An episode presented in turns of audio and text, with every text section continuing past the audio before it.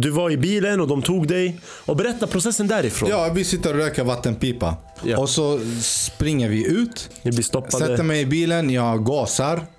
Och då blev jag stoppad. Jag minns till och med att jag gav körkortet till polisen. Min vän satt bredvid mig. Och då sa jag, du kör efter mig för min pappa har blivit tagen. Och jag är jävla imamens son. Och då säger han, lugn. Det är vi som har frihetsberövat din pappa. Där så blev jag frihetsberövad. Jag hade ett jättefint samtal hela vägen i bilen med de här poliserna. Från Gävle till Sollentuna häktet. Eh, vi hade ett jättebra samtal och då sa jag det här måste vara Säpo. Och då, de tyckte det var helt sjukt när jag berättade det här jag berättade för er.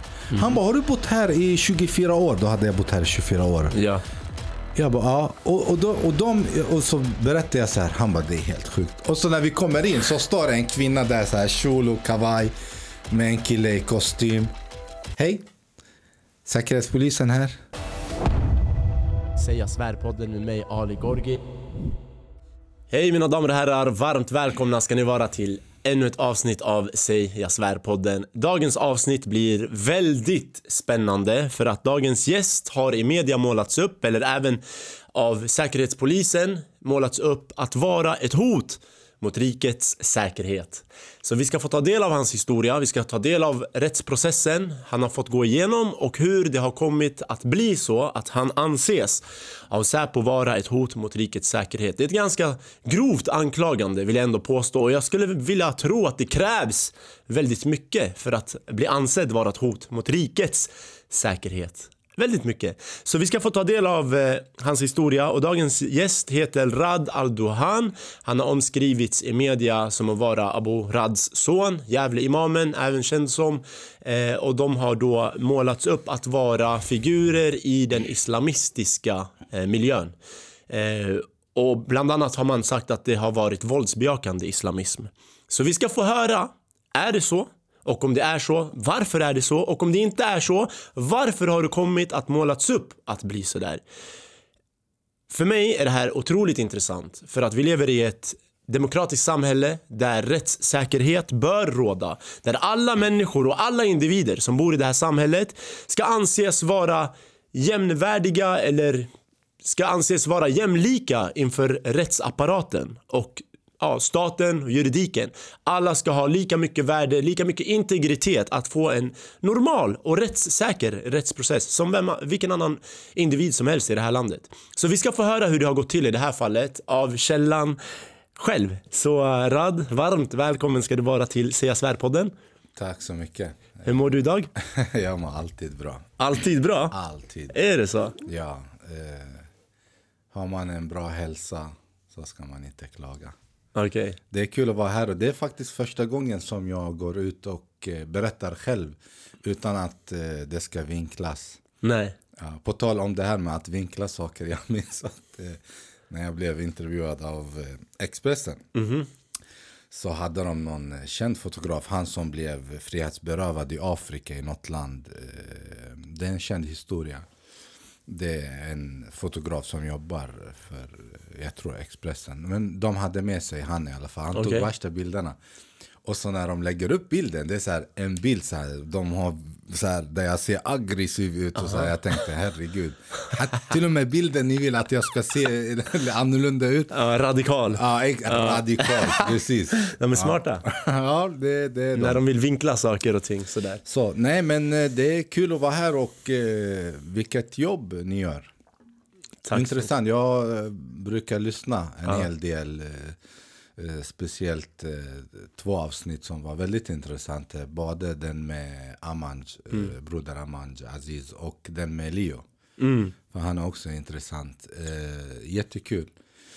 Men innan jag börjar med min historia vill jag Yes. bara skänka några ord till alla dessa människor och barn som mördas i Gaza och och eh, beklaga sorgen till alla palestinier som bor i Sverige och har eh, släktingar eh, liksom i Palestina.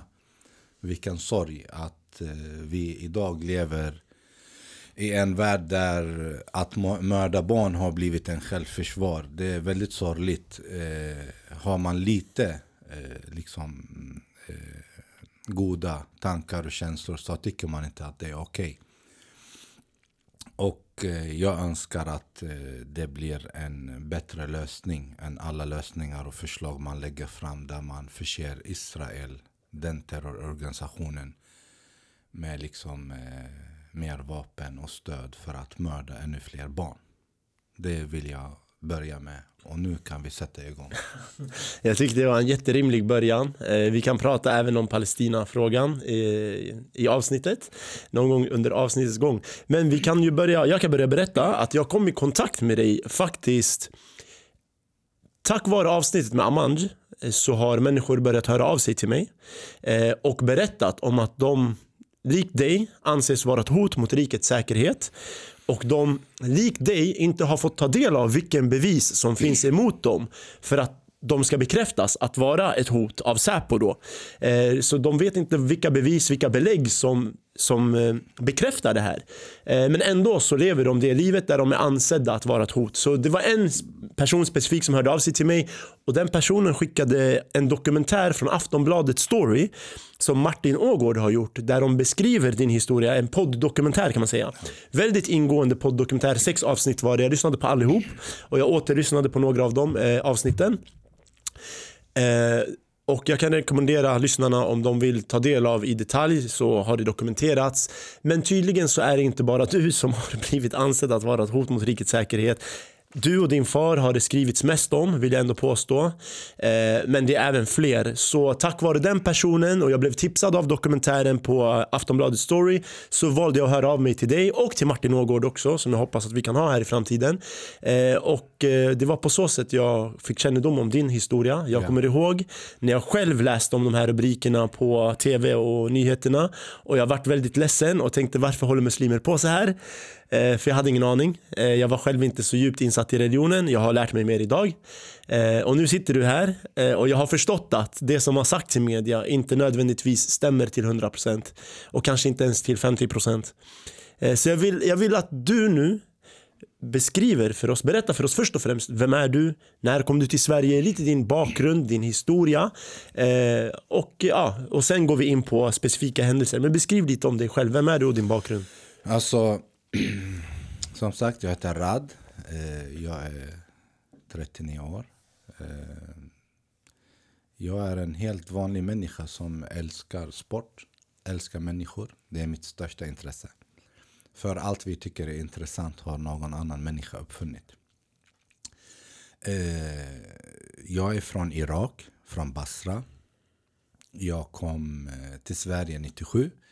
Innan det flydde vi kriget 91 och hamnade i ett flyktingsläger i Saudiarabien.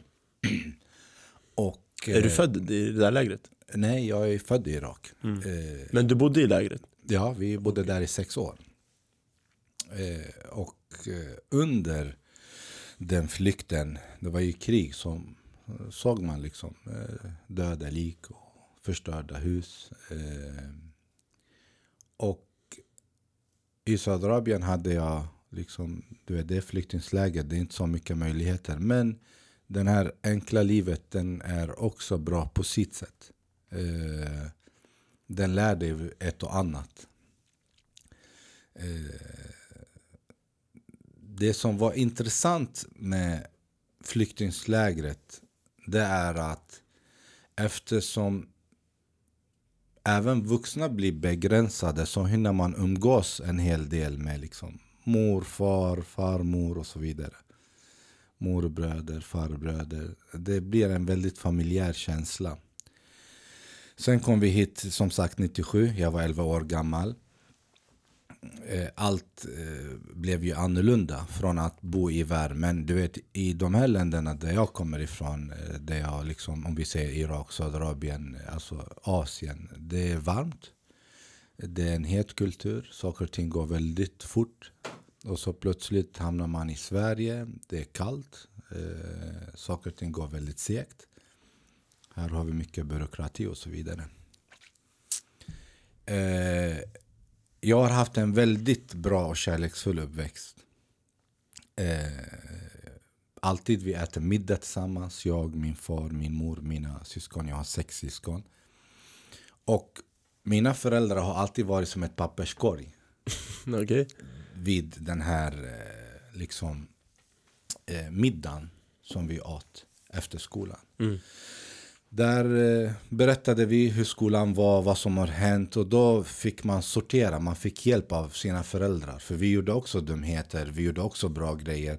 Vad är bra, vad då? Man, man hörde en hel del, det kom in föreläsare, det var bråk, det var mobbing, men det var också mycket fotboll, boxning, kärlek. eh, Ja, så, så jag har haft en väldigt, väldigt bra uppväxt. Jag har alltid haft en bra relation till min far, till min mor. Eh, jag som har så många vänner, eh, när jag liksom berättar att min pappa var inte den här mannen som skrek och slog utan det var mer så här dialog och liksom ifrågasättande och vad tycker du, hur ser du på det här?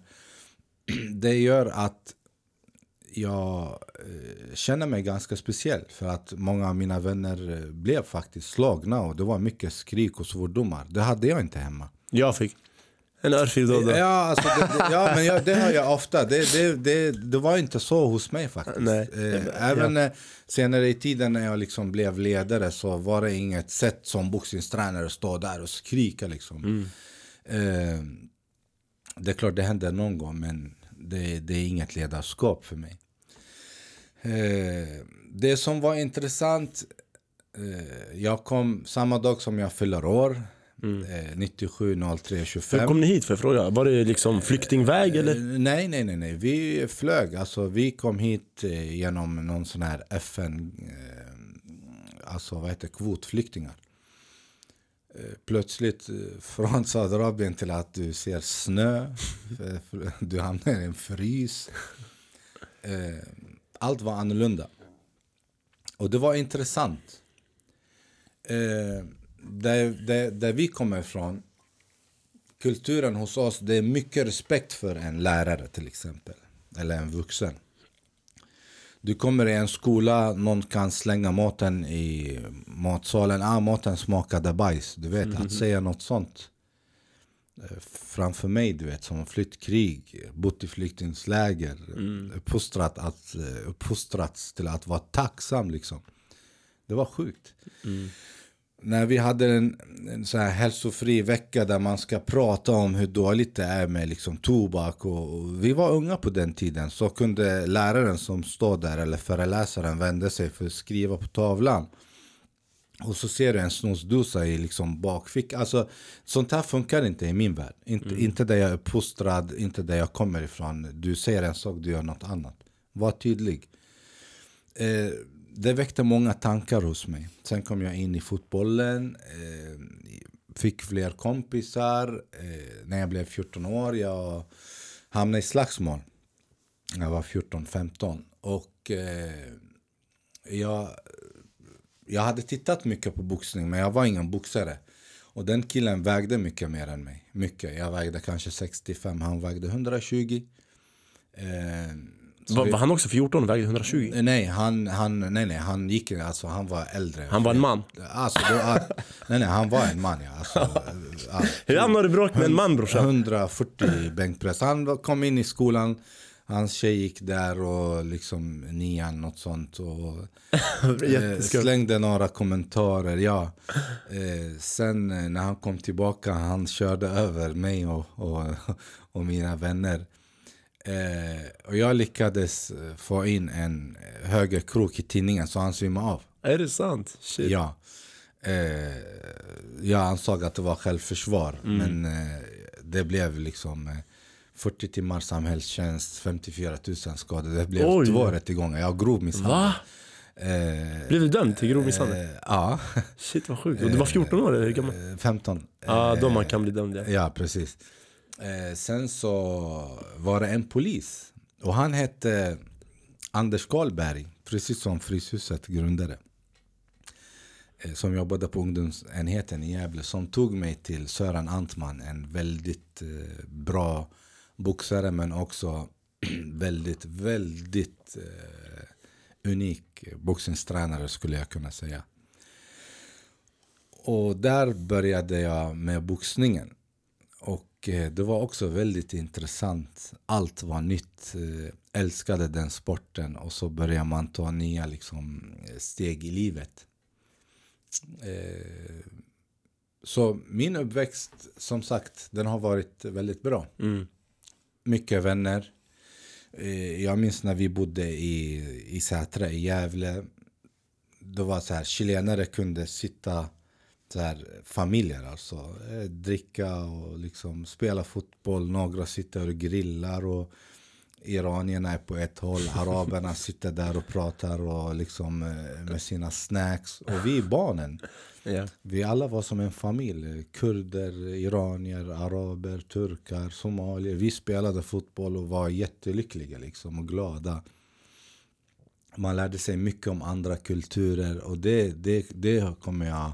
Det har jag alltid tagit med. Alltså, än idag jag kan dialekter liksom från olika arabländer och, eh, och många ord från olika lik- så här, andra länder. När jag, liksom, hälsningsfraser från kurder eller iranier och så vidare. Och det har hjälpt mig i mitt liv väldigt mycket som ledare och som eh, förebild för många av dessa barn och unga som jag har jobbat med genom åren. Eh, sen bestämde jag mig när jag hade Alltså innan jag blev 20 jag praktiserade och lärde mig en hel del av en stor ledare som heter Moussa Ndiaye från eh, Senegal men eh, var verksam i Gävle. Och, ursäkta. Och Moussa var, han hade ett väldigt unikt ledarskap. Du, för att vara med och spela basket ska du sköta skolan och liksom göra läxor och sådana här grejer. Ja, där var baskettränare. Mm. Okej. Och han fick, eh, vad heter det, Svenska hjältepriset 2009 tror jag. Ja, väldigt eh, unik eh, eh, ledar eh, liksom sätt hade han som jag tog mycket lärdom av. Sen har jag min pappa Mm. som är väldigt stor och kunnig imam. Och min pappa, många tror att min pappa liksom, det är så här religion, punkt. Det, det är inte så. Min pappa eh, har flera utbildningar. Eh, som psykolog och liksom sjöman. Eh, och imam. Eh, han är väldigt påläst. Alltså även europeisk litteratur. Mm. Jag minns att eh, när han träffade en vän till mig, en äldre man som är litteraturvetare. Han frågade min pappa om vissa böcker och då hade min pappa läst dem. Min pappa frågade honom om eh, två böcker eh, eh, och då sa han vi brukar tipsa eleverna på universitetet att läsa men jag har tyvärr inte hunnit läsa dem. Okej. Och där fick jag också bekräftat på vilken nivå när det gäller det här att liksom vara påläst och liksom öppen för andra eh, liksom, eh, kulturer. Sen när jag kände liksom, jag har fått så mycket kunskap. Jag är boxare, fotbollsspelare, eh, två helt olika sporter, eh, flera olika tränare. Min far eh, som liksom är väldigt balanserad när det gäller den här eh, religiösa biten som många missuppfattar du vet och kan bli väldigt radikala. Eh, mossas kunskap. Jag kände att jag har mycket kött på benen så jag valde att flytta. Jag hade en syster som bodde uppe i Norrland, i Umeå. Då var jag 20 år. Jag flyttade dit och där eh, grundade jag min första verksamhet efter ett år bara. Eh, jag hade byggt ett nätverk, lärt känna en hel del människor. Jag är väldigt social av mig. Eh, och då eh, grundade jag en verksamhet som hette Umeå Legend Club som är en mångkulturell sport eh, som eh, hade väldigt unikt koncept. Eh, jag la en hel del på Mussas koncept och jag minns också en gång träffade jag Mussa efter tre år och då hade politiker från Umeå besökt honom. Och eh, jag brukar ju prata gott om honom. Och berömt eh, liksom, mitt arbete och berättat vad jag gör uppe i Umeå. Och då sa han till mig, vet du, det som tog mig 11 år tog dig tre år. Wow. Ja. Eh, det var väldigt intressant att höra det av en förebild. Eh, och hela konceptet gick ut på att försöka, det var gratis för alla barn och unga att delta. i verksamheten. Men det var ett, det som är unika med det konceptet. Jag var ute i skolorna. Man fick spela basket eller fotboll. Man fick även kläder och skor. Vet, många hade det svårt. Men att de ska vara eh, duktiga i skolan. Och då är det eh, specifikt beteendet. Alltså att, att vara en bra kompis, eh, inte svära och sådär. Efter skolan behövde de här ta vägen någonstans. Då hade jag klubben, det var musik, det var dans, yoga, boxning i fokus. Och så hade man liksom eh, läxhjälp en timme innan för att eh, många får inte hjälp hemma.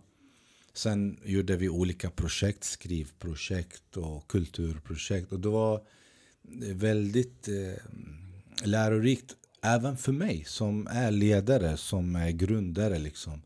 Det är för att de här barnen, jag brukar säga de är vuxna i små storlekar. De kan så mycket och de vet så mycket. Eh, och då är det viktigt liksom att jag gav alternativ. För det är många som säger gör inte så, bli inte kriminell. Okej, okay? men ge mig alternativ, jag vill tjäna pengar. Mm. Ge mig alternativ, jag har problem, jag blir pressad, vad kan du göra? Men du kan inte stå där som ledare, du har inga alternativ. Du har inte ens, ursäkta, pungkulor för att liksom eh, stå upp för dina ungdomar eller elever. Det kommer inte funka. Det är hårt klimat vet du, att jobba med människor, speciellt med ungdomar. Och de saknade de här alternativen, de saknade den här famnen. Så jag har haft mobbade tjejer, jag har haft många hbtq-personer. Jag hade kanske 8-12 personer i klubben eh, som kände sig trygga för att det var en ledare. Och alla är, är liksom måste lära sig att här är vi på samma eh, liksom, båt. Alla ska acceptera och respektera varandra. Mm. Eh, och det arbetet ledde till att jag fick faktiskt många utmärkelser och priset. Bland annat Fairplay-priset, eh, Folkhälsopriset, eh, eh, någon sån här Kinnevik-stipendium. Eh, jag utbildade mig eh, åtta olika utbildningar som tränare. Futsal gick jag första steget, målvakt, fotbollstränare, AB, eh, utomhusfotbollstränare, AB, ungdom. Eh, boxning, jag har gått eh, tre steg. Det är liksom eh, i Svenska boxningsförbundet. Så jag har ägnat mitt liv åt att hjälpa människor och speciellt ungdomar. Eh, och jag har aldrig gjort det för att någon ska klappa mig på axeln och säga bra jobbat eller för att liksom synas. Utan det var när jag flydde kriget. Tänkte om jag någonsin har det bra så vill jag hjälpa människor. I Sverige har vi inte krig som det är i Irak eller i Afghanistan eller i Gaza. Men i Sverige har vi mycket kulturkrock. Vi har kriminalitet. Vi har mycket hat, mycket splittring. Det har vi. Eh, ibland, jag förstår inte att folk är rädda för att Putin ska komma hit. Den splittringen vi har i Sverige, den är mycket farligare än att eh, ett krig ska bryta ut. För om du inte har ett enat hem, du kommer aldrig kunna uppfostra. Mm, mm. Okej, okay. jag tycker vi kan gå in på de här splittring och samhälls, hur det ser ut i samhället generellt idag eh, lite senare i avsnittet. Men Absolut. vi håller oss kvar till den delen där du hjälpte de här ungdomarna. Du nämnde det gratis. Jag kan tänka mig att det kan vara intressant för lyssnarna att fråga hur kunde det vara gratis? Vem finansierade det här? Ja, till exempel. Eh, det var inte Al-Qaida kan jag säga. nu blir de besvikna, de tror inte på det. Nej, alltså det var ju genom olika projekt. Eh, som vi sökte eh, i samarbete med till exempel Länsbiblioteket eh, i Umeå. Eh, glöm inte att du rapporterar närvaro. Du får eh, också projektbidrag från kommunen. Så det är så vi finansierade. Eh, sen eh, tycker jag inte att eh, det där att liksom ta avgifter skulle göra någon stor skillnad. Och du kan inte ta avgifter när du ser många av de här barnen är redan från utsatta områden och saknar ens rätt kläder. Ja, jag var liten, jag hade inte råd att alltså, vara medlem i fotbollslag många gånger. Familjen hade inte råd. Och det, det är så det det är här liksom att eh, när du ser de här grejerna så vill du liksom omfamna dem.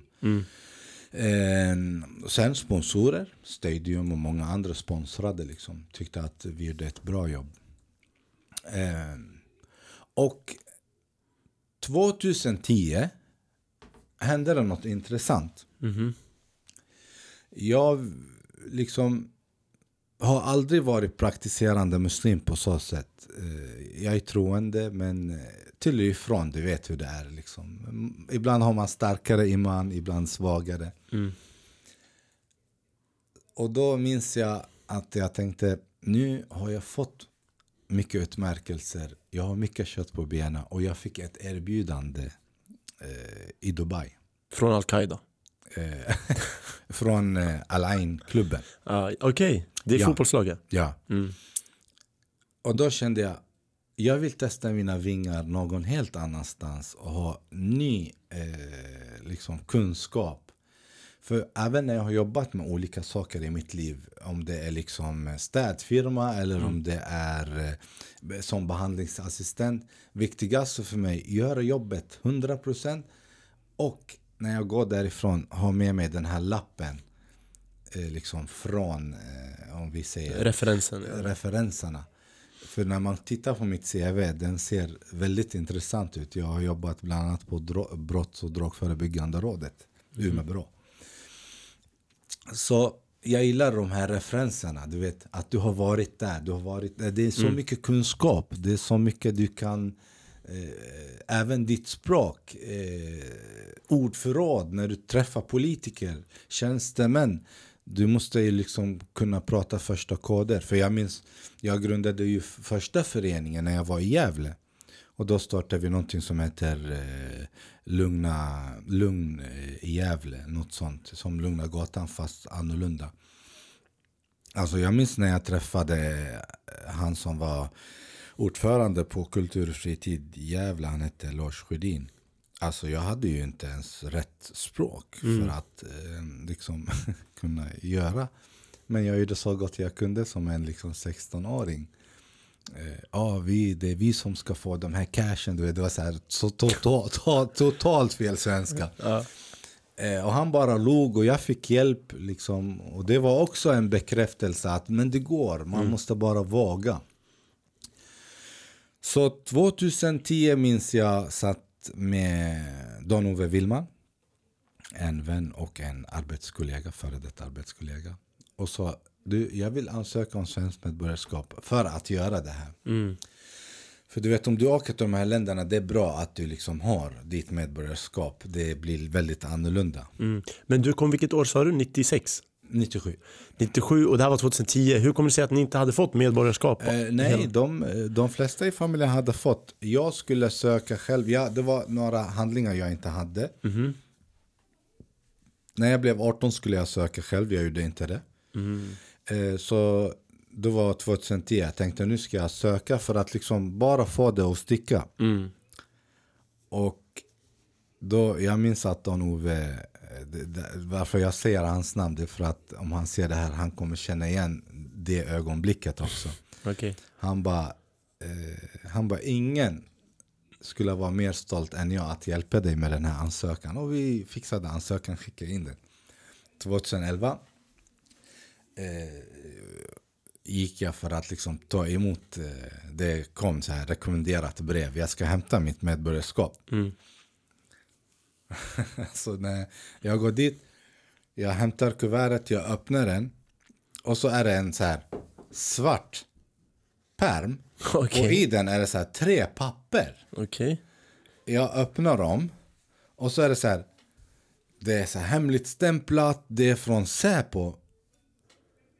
Och jag, alltså, jag blev ju så här intervjuad av Säpo när jag gjorde ansökan. Så jag sa till, eh, han hette Dick tror jag. som eh, liksom skickade efter mig och ställde lite Känner du den här personen? Ja det är klart jag känner alla de här personerna Jag jobbar ju med människor, jag är aktiv Ja tack så mycket, det var liksom knappt en halvtimme jag satt med honom Och det var så ett helt vanligt samtal, precis som vi pratar nu liksom Mm.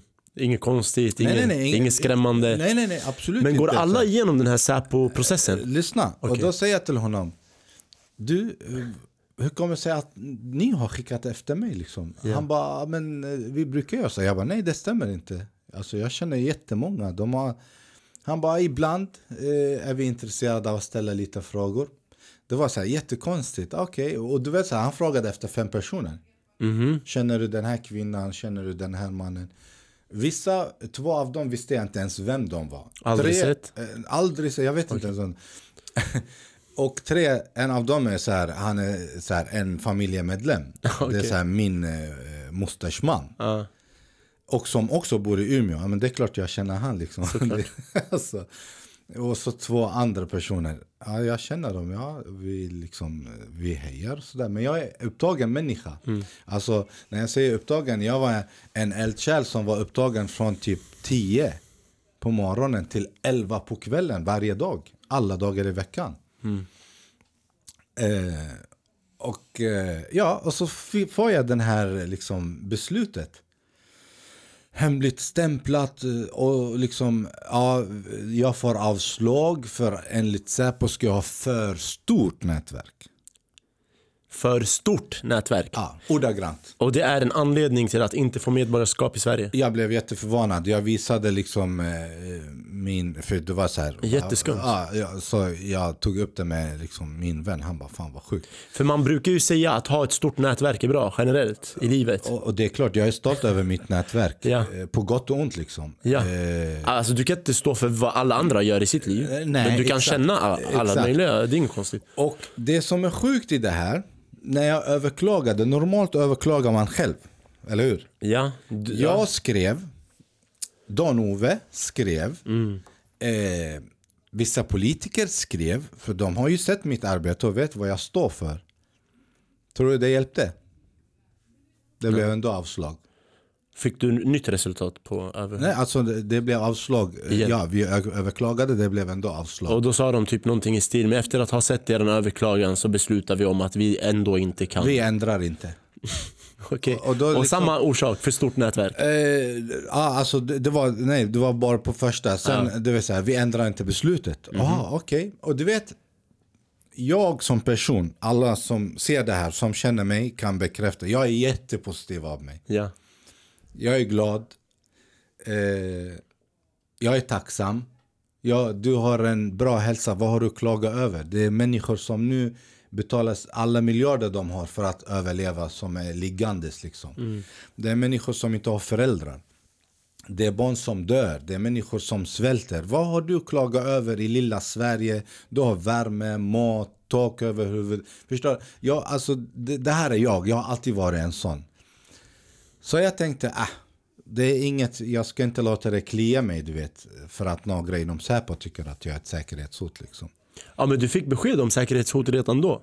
Eh, nej, men alltså, eh, det var redan då, ja ja. Alltså, Sa de säkerhetshot? ja ja, alltså de anser att jag är säkerhetshot för att jag hade... Du har för stort nätverk? Ja, det var, ja, ja, och, Det är ju jätteskumt. och jag pratade inte öppet om det här då. Nej. För jag tänkte, du, fortsätt med det du gör. Samma år, 2011, så får jag ett pris. Folkhälsopriset. För det arbetet jag gör med liksom barn och unga. I Umeå Legend. Efter det på två, tre år jag får eh, kulturpris. Också i Umeå. Och någon sån här kulturstipendium. Livet fortsätter liksom och allting ser bra ut och det är bara det att eh, jag har Säpo i nacken som anser att jag är farlig för Sverige. Men eh, hörde de av sig något mer eller bara besluten sen? Nej, nej, de hör inte av sig. Och vad hände med Dubai fotbollslaget? Nej, nej, det blev ingenting för att Du jag har inget inte? Mm. eh, medborgarskap. Och eh, sen så... Liksom... Eh, Fan vad tråkigt. Ja, vilken möjlighet det där var. ja, eh, exakt. ja. Eh, sen så... 2014, Ja. I slutet av 2013 bestämde jag mig för att liksom flytta till Gävle. Mm. Jag skulle gifta mig, jag var kär. Jag, jag hade varit ifrån min familj åtta år. Liksom. Men jag har också förändrat en hel del, både i familjens synsätt och du vet när jag jobbade med integration. Liksom, eh, du börjar förstå saker på, på en helt annan plan. Och jag brukar säga det, det jag gjorde för 15 år sedan gör folk idag och tror att de har kommit på något. Och det är sant. Jag var en av de första som, funktions, eh, som fick funktionsnedsatta att träna med icke funktionsnedsatta. För idag i Sverige, eh, människor pratar med assistenten och inte med killen eller tjejen i permobilen. Och bara det är ett stort integrationsproblem. Ja, det är lite fult faktiskt. Eh, du vet, integration har blivit så här eh, segregerade områden och liksom att bli svensk och prata svenska. Det där har aldrig varit integration. Det här är en plikt för varje människa som vill lyckas i ett land. Du ska lära dig språket, kulturen. Förstår du? Integration är mycket större än så. Det finns andra integrationsproblem. Funktionsnedsatta lever utanförskap än idag. Det är inte många som har så här icke funktionsnedsatta vänner som kan gå ut med dem och, Sant. fika och prata. Hur ofta ser man det? Aldrig. Så du vet, jag hade sådana mål också. Jag jobbade, jag hade en grupp på mer än eh, 20 personer liksom. Eh, och då bestämde jag mig för att flytta till Gävle. Eh, och jag gjorde det. Jag grundade en klubb som heter eh, Gävle Legend Club. Samma koncept som Umeå, fast eh, här satsar vi mycket på fotbollen. Och eh, där eh, så gick det väldigt fort. Allt bra? Ja. Varför? Det är för att nu har jag samlat på mig så mycket kunskap. Jag har gjort det här i så många år. Jag har jobbat nära politiker och tjänstemän. Jag vet hur det funkar. Så jag fick väldigt många medlemmar tillsammans med liksom styrelsen i klubben. Eh, vi fick eh, snabbt genombrott. Mm. Eh, vi, hade, vi vann två divisioner liksom i rad. Vi gick upp från sexan till fyran. Okej. Eh, också målet var att integrera. Och det finns mycket rubriker om liksom det arbetet, så här positivt. Det är också faktiskt en av grejerna som jag är tacksam för. För att när jag blev anklagad av Säpo och det blev media, mediedrev. Så att jag synts i media på ett bra sätt gjorde att jag bara tänkte ursäkta mig, fuck you. Mm. Du kan inte trycka ner en person med mitt psyke, det kommer inte funka. Och all uppmärksamhet är bra uppmärksamhet. Jag ser det på det. Ja, okej, vi kan gå in på det sen. Men... Ja, ja. det är för att har du inte den här inställningen i ett land som Sverige med jantalagen, de kommer att stampa sönder dig, trycka ner dig, till slut ska du bli deprimerad och gå på antidepressiva och kanske hamna någonstans. Jag vägrar vara en sån. Jag kommer aldrig vara en sån. Mm. Jag är en person som utnyttjar varje möjlighet till att göra något bra. Det negativa, jag kör alltid tvärtom metoden. Det negativa kan bli positivt. Du måste bara våga ha tålamod och se saker från olika vinklar. Jag kan prata bra svenska och berätta min historia som jag gör nu. Bara det är en grej att vara tacksam över. Så där i Gävle blev jag en gång kontaktad så här. Ja, eh, Säpo hade besökt någon eh, vad heter det, Fritz där. Vi hade egen verksamhet. Och liksom frågat efter dig. Och kvinnan som jobbar där har en son som känner en vän. Så du vet så här, ah, säg inte till någon. Så här, jag tänkte, alltså det här vet jag redan. De är överallt och fular sig och kan gå dit och säga ah, vi har ögonen på den här personen. De försöker göra saker och ting svårt.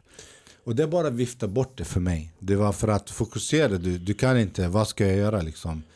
Men, men vänta, vänta. Så de hade, när du var i Gävle 2015, hade de Säpo då gått till någon bekant till dig och frågat om dig eller? Nej, de hade gått till en kvinna. Hennes son känner en vän till mig, förstår du? Så, så de visste inte att den här kvinnan hade liksom pratat om det och han känner ju en av mina nära vänner och då fick jag reda på liksom, aha. Men ni har varit någon helt annanstans där jag inte ens verkar och frågat efter mig. Men Det, du vet, och det som är sjuka i det här, när Säpo har skickat efter folk och frågat, det är många som har kommit fram, alltså några stycken till min pappa då. Och vissa kom till mig och så här, de frågade efter dig. Vi blev så här, va? Rad? och då så här, de tror inte att, de säger till människorna, berätta inte, men de, folk berättar ju du vet. Så du vet, det här var inget nytt för mig så här, att de kan gå och ställa frågor. Men ha- du säger att det inte var nytt för dig. Hade de gjort det förut då eller? Ja, de hade gjort det, ja, ja. Och jag fick liksom, eh, folk kom fram till mig i Umeå. Men undrade du inte varför de gör så? Det är klart, det, det, det är klart. Du kan inte, det finns inget utrymme att undra. De har ju sagt att du är ett säkerhetshot för det här och det här. Och sen inga bevis, ingenting. Gick du inte till dem då och sa hallå vad, vad håller ni på med? Det Ringde går du- inte. Det- var- Varför? Nej, men du går inte att samtala med dem. Du ringer väl eller? Nej, alltså, jag har ringt men det går inte. Vad säger de? Även när jag har träffat dem ställer frågor. Ah, det är så stort och vi, vi, vet ju inte om det där. Utan Säpo är så stort. Jag har haft samtal med dem två, tre gånger. Och det är samma eh, karusell. Så de är ute efter dig och de söker information om dig hos andra bekanta och som Det, kanske nej, inte ens... det är det som är sjukt. De har aldrig gått till folk som känner mig väl. Nej precis, de går till fel människor Exakt. och frågar om dig. Och det som är också skrämmande i det här, och Ja. det kom fram i podden, eh, Martin Ågårds, man, ja. ah, ah, i Imamens son-podden som handlar om mig och min far. Yes. De betalar ju folk för att lämna information, men tänk, och du betalar ju folk. De, det är klart många vill jättegärna ljuga Det är gratis tjäna pengar. Ja, jag Exakt. såg han var där och fikade med någon skum snubbe. Exakt, förstår du? Han hade och sen, skägg. och sen när hela karusellen händer Så han får två lax i fickan. Eh, Nej, men alltså det, det är jättesjukt. Sen Mm. när hela karusellen händer då säger de vi, alltså de lägger inga fram bevis för att skydda sina källor. Men vilka är era källor? Mm. Hur ska jag veta, alltså hur ska jag kunna bemöta det här? Exakt, hur vet, de, hur, vet, hur vet man ens att källorna är starka Och, källor? och det som är skrämmande i det här, som verkligen är skrämmande, det är att Säpo tillsammans med Migrationsverket säger att de gör detta för att skydda svenska demokratin. Men du kan inte skydda demokratin genom en odemokratisk process. Det är, det är ännu farligare. Mm, mm. Och sen att jobba på indicier. Han träffade han eh, vid den här moskén, alltså är eh, Rad nu si och så. Men det går ju inte. Alltså det där är ett stort problem. Okej, Jag men vänta, träffar vänta. alla möjliga. Ja, men vänta. Så för att inte hålla oss till storylinjen. Eh, de hade tidigare frågat om dig hos människor som kanske känner dig eller inte känner dig. Och de hade erbjudit dem pengar att, Ja. att berätta. Ja, ja. Eh, och de här människorna i sin tur berättar till någon som kanske berättar till dig Exakt. att de har frågat om dig. Exakt. Eh, En av till exempel två vänner till mig. Eh, de kom till mig, deras chef, alltså jag har, jag har ingenting med den verksamheten att göra. De kom till mig, de bara hallå, alltså de hade frågat vår chef eh, om dig och vi sa till henne, vad säger du? Den här killen, va?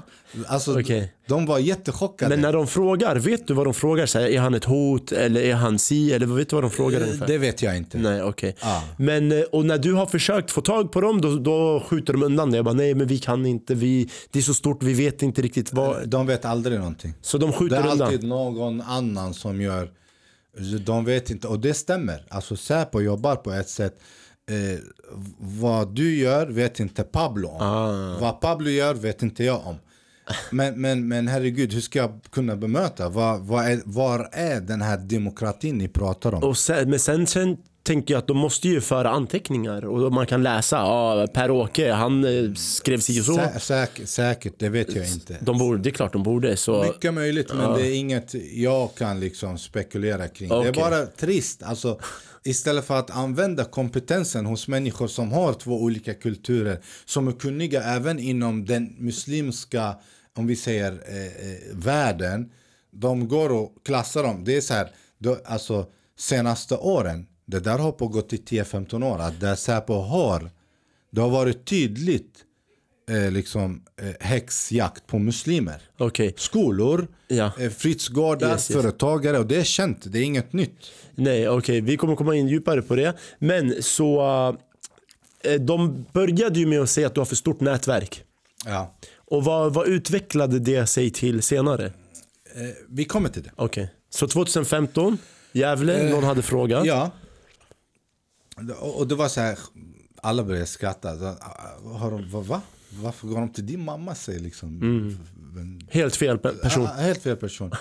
Ja, det är så här, jag vet det är kanske så här, folk är rädda du vet. Såklart. Och det hörde du även i podden, och vilket är en stor sorg. Mm. Eh, när du lyssnar på Imamens son-podden, eh, sista avsnittet är en somali tror jag. Ja. Som säger att han eh, på grund av någon vän, de har tagit bild. Han De spelar paintball.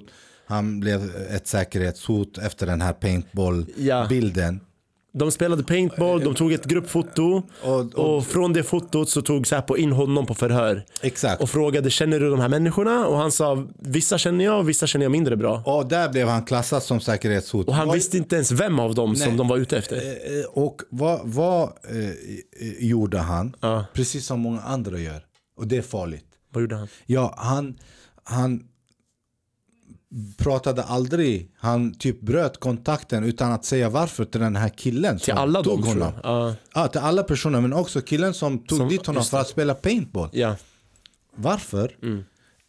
Jo, det är för att han är rädd. Han vill inte. Men det går inte. Du måste kunna gå fram till den personen och säga Du, Säpo skicka efter mig. De visade en bild och de pekade ut. Jag fattar inte. Folk måste våga prata om det. Absolut. För att några inom Säpo har bestämt sig för liksom utföra en häxjakt. Det ska inte vara acceptabelt. Alltså. Och, och liksom, vad är dina rättigheter? Vad är du för människa som viker dig direkt någon liksom eh, eh, klassar dig som ett säkerhetshot eller som terrorist? Eller, är, du, är du oskyldig? Våga gå ut och prata om det. Vad, vad finns det att förlora? Mm. Ja, ja, vi lever i en demokrati. Det har hjälpt mig mycket. Jag är aktiv på mitt sätt. Folk känner mig, jag rör mig. Det är viktigt. Det är för att jag pratar, alltså jag har inget att dölja. Det är inte så att jag är rädd för liksom Säpo. Vilka fan är Säpo? Det är en myndighet. Ja. Ja, om de tar mina rättigheter, jag måste kunna också bemöta liksom. Och säga som det är. Varför ska jag vara tyst? För Speciellt vem? om du är oskyldig. Exakt, det Ja. är det, och det är det folk, många måste lära sig. Tyvärr är många muslimer rädda. Det är för att de kommer från länder där de blir torterade, där folk blir avrättade, där folk blir slagna. Och då liksom, de tror, ja men nu, vi är på väg dit i Sverige. Nej gubben, du är inte på väg dit. Du ska kunna stå för liksom vad du känner, tänker och tycker och du ska berätta din historia och berätta din version. Någon måste någon gång lyssna på dig. Om du har redan där gett upp för att Säpo skickar liksom ett beslut att du är ett säkerhetshot. Va- Ja, men du, du har förlorat dig själv. Du har förlorat allt. Du måste kämpa. finns ingen annan väg. Inte för mig i alla fall. Yes. Okej, men så fortsätt. 2015. Hur utvecklade det sig från att vara för stort nätverk till... Eh, det, det, det hände, alltså, det här bara var så en varning att man hör någonting. Ja. Eh, och då, 2016, gjorde jag en ny ansökan. Mm. Om medborgarskap. Ja. Eh, det blev liksom inte mycket av det. Mm. 2000, I början av 2019 eh, och då under, under alltså 2016, 17 jag fick någon så här eh, kallelse från Migrationsverket. Och så satt eh, en dam där och liksom ställde frågor och sådär. Och då sa jag till henne, vad, vad sitter du och pratar om? Vadå säkerhetshot? Eh, vad, vad är du? Alltså islamism? Ja, de började Och nämna det. då, och då liksom eh, eh, fick hon gå in på min Facebook. Mm. Och liksom, det finns även i min akt. Eh, jag har ju alltid stöttat kurdiska frågan. Mhm. Eh, och jag har även fått skit av vissa liksom, araber. Ja. Eh, De stör sig på att jag säger liksom kurder ska ha Sitt land eller något sånt. eh, ett land precis som alla andra. De har en flagga, de har språk, dialekter, kultur. Ja. Men det där är inte arabernas fel att de inte har ett land. Nej, nej, nej, nej. Det är inte arabernas fel, men det är många araber som stör sig. Ja, ja, Alltså, men det där är dumheter. Det är dumheter. Ja, det är dumhet. Yani, Alltså, du är från Irak, jag med. Det var inte iraker som ritade kartan på Irak, förstår du? nej, nej, nej, absolut inte. Därför jag brukar alltid säga, jag tror inte på flaggor och gränser. Okej. Men om jag ska tro på det, då har alla andra rätt Ja. till att ha ett land precis som jag. En stark person önskar alla andra det som... Jag måste ställa frågan när du säger det här. Och lyssnarna, vi har många så här radikala högerlyssnare. De kommer tänka, ja du tror på ett kalifat. Kalifat? Ja. Hur, varför tror du För att, nej, jag tänker bara för så som det har skrivits om dig. Aha. Att yani, Nej, du, det alltså- är det du tror på du säger jag tror inte på... Eh, det- Absolut inte. Så här är det. Vi muslimer Ja. har ju vår religion. Vi har haft kalifat, vi, det finns i vår religion. Ja. Men vi har aldrig drömt eller tyckt att ett kalifat som bygger på att döda muslimer i första hand, som det var i Irak med Ja, ja, IS, ja. är det kalifatet som vi önskar Nej, oss. för vi kommer behöva toucha den frågan också. Innan vi, innan Ja, innan, vi går ja. vidare så vill jag också säga, glöm inte att IS Ja. dödade och skadade fler muslimer än någon annan. Även i Europa. Det som hände i Irak och Syrien har skadat många muslimer i Europa. Hur då? Ja, alltså hur man ser på muslimer. Ja, ja, ja. Det här radikala frågan, terrorism. Ja okej, du menar så rykte och det skrämsel. Häx, nej men det är häxjakt på Ja, muslimer. det Tack stämmer. vare eh, några liksom, eh, terrorister som tyckte att ah, nu ska vi skapa kalifat. Ja. Och den khalifen som vi skulle ha, eh, som, eh, vad heter han? Eh, Al-Baghdadi. Baghdad. Ingen vet ens vem han är, vart han har studerat, vart han har varit verksam. Är det så? Ja men det, det, alltså han, han var en helt o, okänd. Var han inte lärare under någon annan, Al-Zarqawi eller jag vet inte vad de heter? Låt oss, låt oss leka med tanken att detta stämmer. Ja. Fortfarande är han en okänd. Han är ingen känd figur i den muslimska Så världen. ingen vet hans historik Eh, yani? Nej, han är ingen alltså. Okej, vad sjukt. Eh, Nej, men det, så är det, du vet, för de flesta muslimerna. Ja. Så att... Eh, det, Så han bar på en skön Rolex. Så han hade en skön Rolex. ja, ja, men, Det är sant. Ja, men Israel stöttar honom. eh, men, men, men som sagt, alltså... Ja. eh, För det har ju ryktats om att eh, din pappa och eventuellt du ska ha rekryterat till yani IS. Eh, ja, Det har ryktats om det. det har ryktats om det. Ja. Eh, inte enligt, eh, enligt eh, alla som känner mig och tränat Nej, hos nej, mig. nej, enligt media. Nej, exakt. Inte Men- enligt men ditt nätverk, enligt ditt stora nätverk. Ja, enligt enligt Säpo och media. Ja. Och de sa aldrig att jag är rekryterad till IS eller Al-Qaida. De var sunni muslimskt nätverk. Det finns inget i världen som heter sunni muslimskt nätverk. Sunni muslim det är en religiös tillhörighet. Det är extremt stor religiös Halva min familj är shiiter. Ja. Alltså, hör du hur, hur det krockar på alla Bror, sunnimuslimer är typ, vad är vi, två miljarder muslimer varav 1,6 miljarder är sunnis. Yani. Exakt. Eller något sånt. Ja, och, och, och, och, och, det är sjukt du vet. Man, här, man väljer formuleringar bara för att det ska låta wow. Sen, vi kommer att gå in sen i hela den här processen. Ja. Det kommer bli också intressant att höra om eh, eh, svenska rättsprocessen i det här. Yes. Men 2019 skriver jag till dem. Hej. Men, eh, förlåt, förlåt. Du var i migrationsverket med en tant, ni gick in på Facebook. Ja, ja Det här var precis. 2017. Ja, och där ser hon så här, mina skriverier Just det, stötta kurdiska frågan. Ja, mot IS liksom. Mot tydligt. IS, Ja, flera statusar liksom. Eh, och, och det är också rätt så roligt det här. Och samtidigt väldigt, det är skrattretande. Det är så här, man vet inte om man ska skratta eller gråta. Eh, kurderna eh, bekämpade IS. Mm. Då var de hjältar. Ja. Idag är de klassade som säkerhetshot av svenska säkerhetstjänsten för att de ville suga av Erdogan. Just det, NATO-ansökan. Hela den här grejen. Mm. Folk, alltså det syns så tydligt. Nu, du vet att det är många kurder som blivit utvisade enligt LSU-lagen som jag är utsatt för. Okej, så de har blivit också säkerhetshot och Ja, det är flera hundra. utan medborgarskap också. Så. Ja, precis. Har ja. de skickats tillbaka till Ja, Turkiet? absolut. Det var det Erdogan ville. Ja, och de eh, lämnade ut också tror jag någon, en och annan. Liksom. Men det här har vi inte hört om att de har skickat ut folk. För det är många svenskar i den högra sidan av politiken som säger vi ska inte böja oss för Turkiet. Ja, Men nu har man ändå enligt dig skickat ut turk, eh, kurder till Turkiet. det här, det här är säkra källor och det finns. Alltså, det Så stämmer. kan man då säga att Sverige har böjt sig för Turkiet ändå? Det är klart Sverige har gjort det. Hmm, ni alla högertroll där ute som klagar. Här får ni höra lite. Nej men så är det. Ta reda på det. Ja, ja, nej, nej, många har blivit utvisade, eh, och speciellt kurder, eh, för att eh, de klassades som säkerhetshot. Alltså gick man i Erdogans linje. Det kan, man, det kan ingen neka. Alltså. Gå och sök på det bara. Eh, så 2019, jag skickade ett brev till Säpo. Jag skrev ett mail. Fick du då avslag på din andra ansökan Ja, också? och då skrev jag, Ey, jag tänkte ansöka.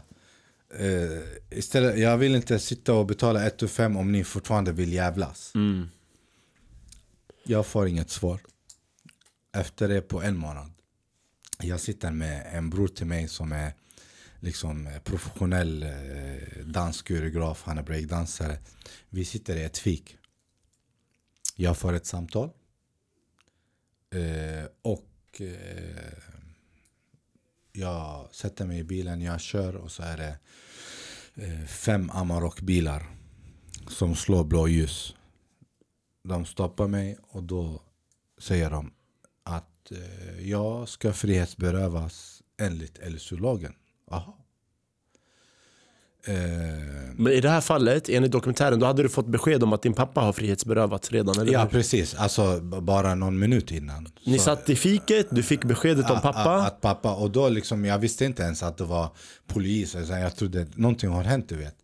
Och jag kickade med bilen och plötsligt... eh, Stå, och, och det var också hela den här processen, slösa skattepengar på helt onödigt. Varför skickar ni de här? Ring, jag kommer. Vad, vad är grejen? Ring, säg hej. Du är klassad som säkerhet, kom in till oss. Vart ska jag ta vägen? Liksom? Ja. Ska jag fly eller? Min son är här. Ja. Det, jag är här än idag. Ja. Jag har inga rättigheter. Jag är klassad som säkerhetshot. Jag får inte jobba, jag får inte göra någonting. Men jag är kvar, jag har min son här. Ja. Ska, hur, hur ska han växa upp? Ska jag liksom bo någon annanstans? Och sen när han eh, blir 20 år, 30 år. Ah, vart har du varit pappa? Ah, wallah, jag blev klassad och jag stack. Aldrig. Han behöver, jag som jobbat med ungdomar vet hur viktigt det är med föräldrarnas närvaro och kärlek. Och liksom, som jag sa från början, att vi ska vara deras papperskorg, de här barnen. För att sortera, det här är bra pappa, det här är dåligt. Har han rätt till medborgarskap? Eller ja, Han är svensk medborgare. ja okej han hade rätt till. Alltså nej, alla mina syskon är svenska medborgare. Sex syskon, alla är svenska medborgare. Det Det, var är bara jag du- som är säkerhetshot. Du och pappa bara? Ja, precis. Aha. Och då... Eh, Fett skumt. ja, ja, exakt. Eh, och eh, en liten grej jag vill också, innan vi går vidare med historien. Alla som är svenska medborgare som har åkt till IS. Mm. Det är några få som blev dömda. De flesta eh, blev fint omhändertagna av svenska staten. Hur menar du?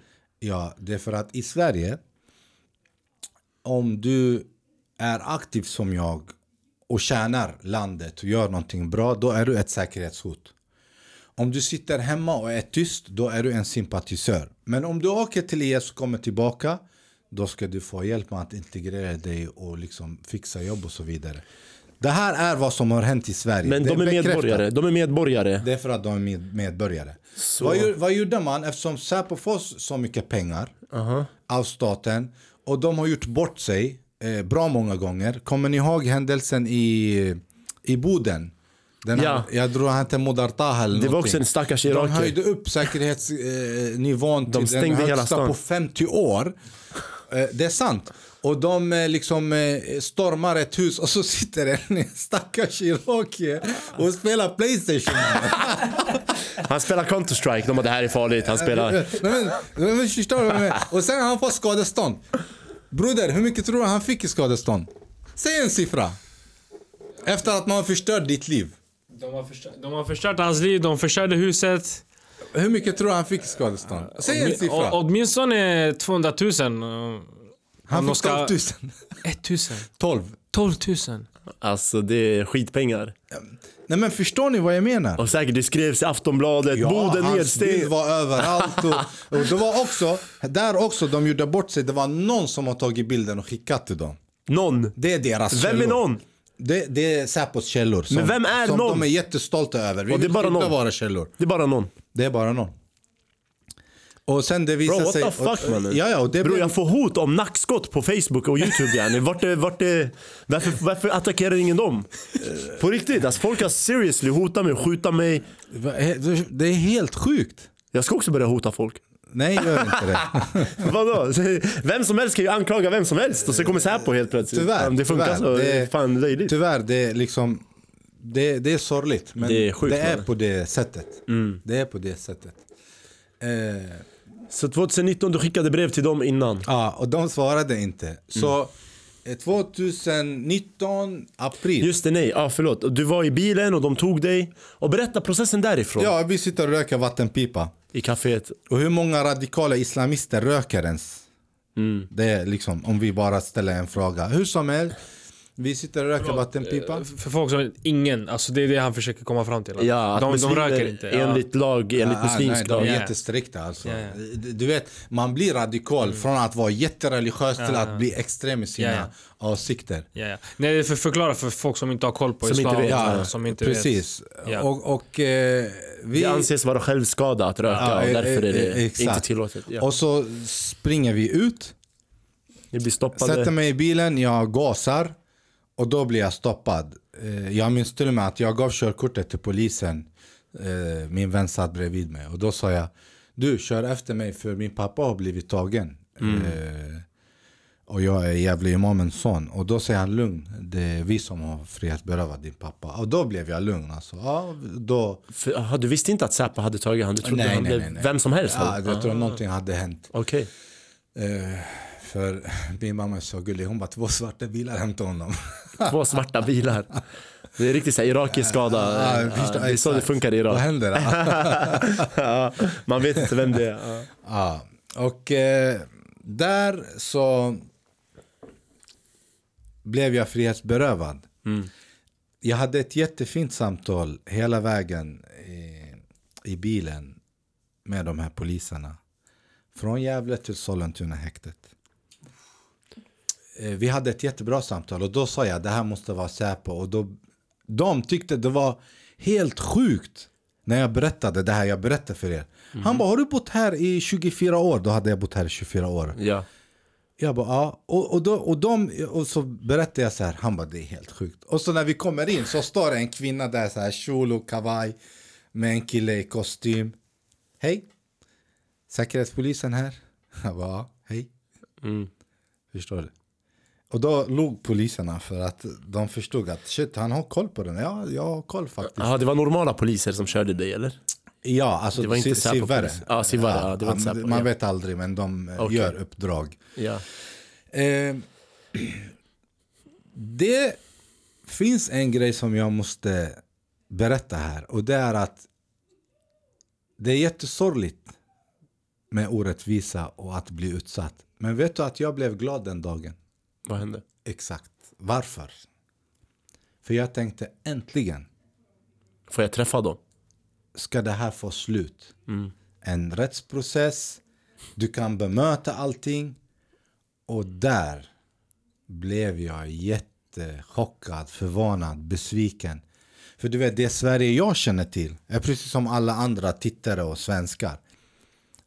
Saker och ting, det finns papper, bevis, bemöta, Åklagare, advokat, åklagare. Ja.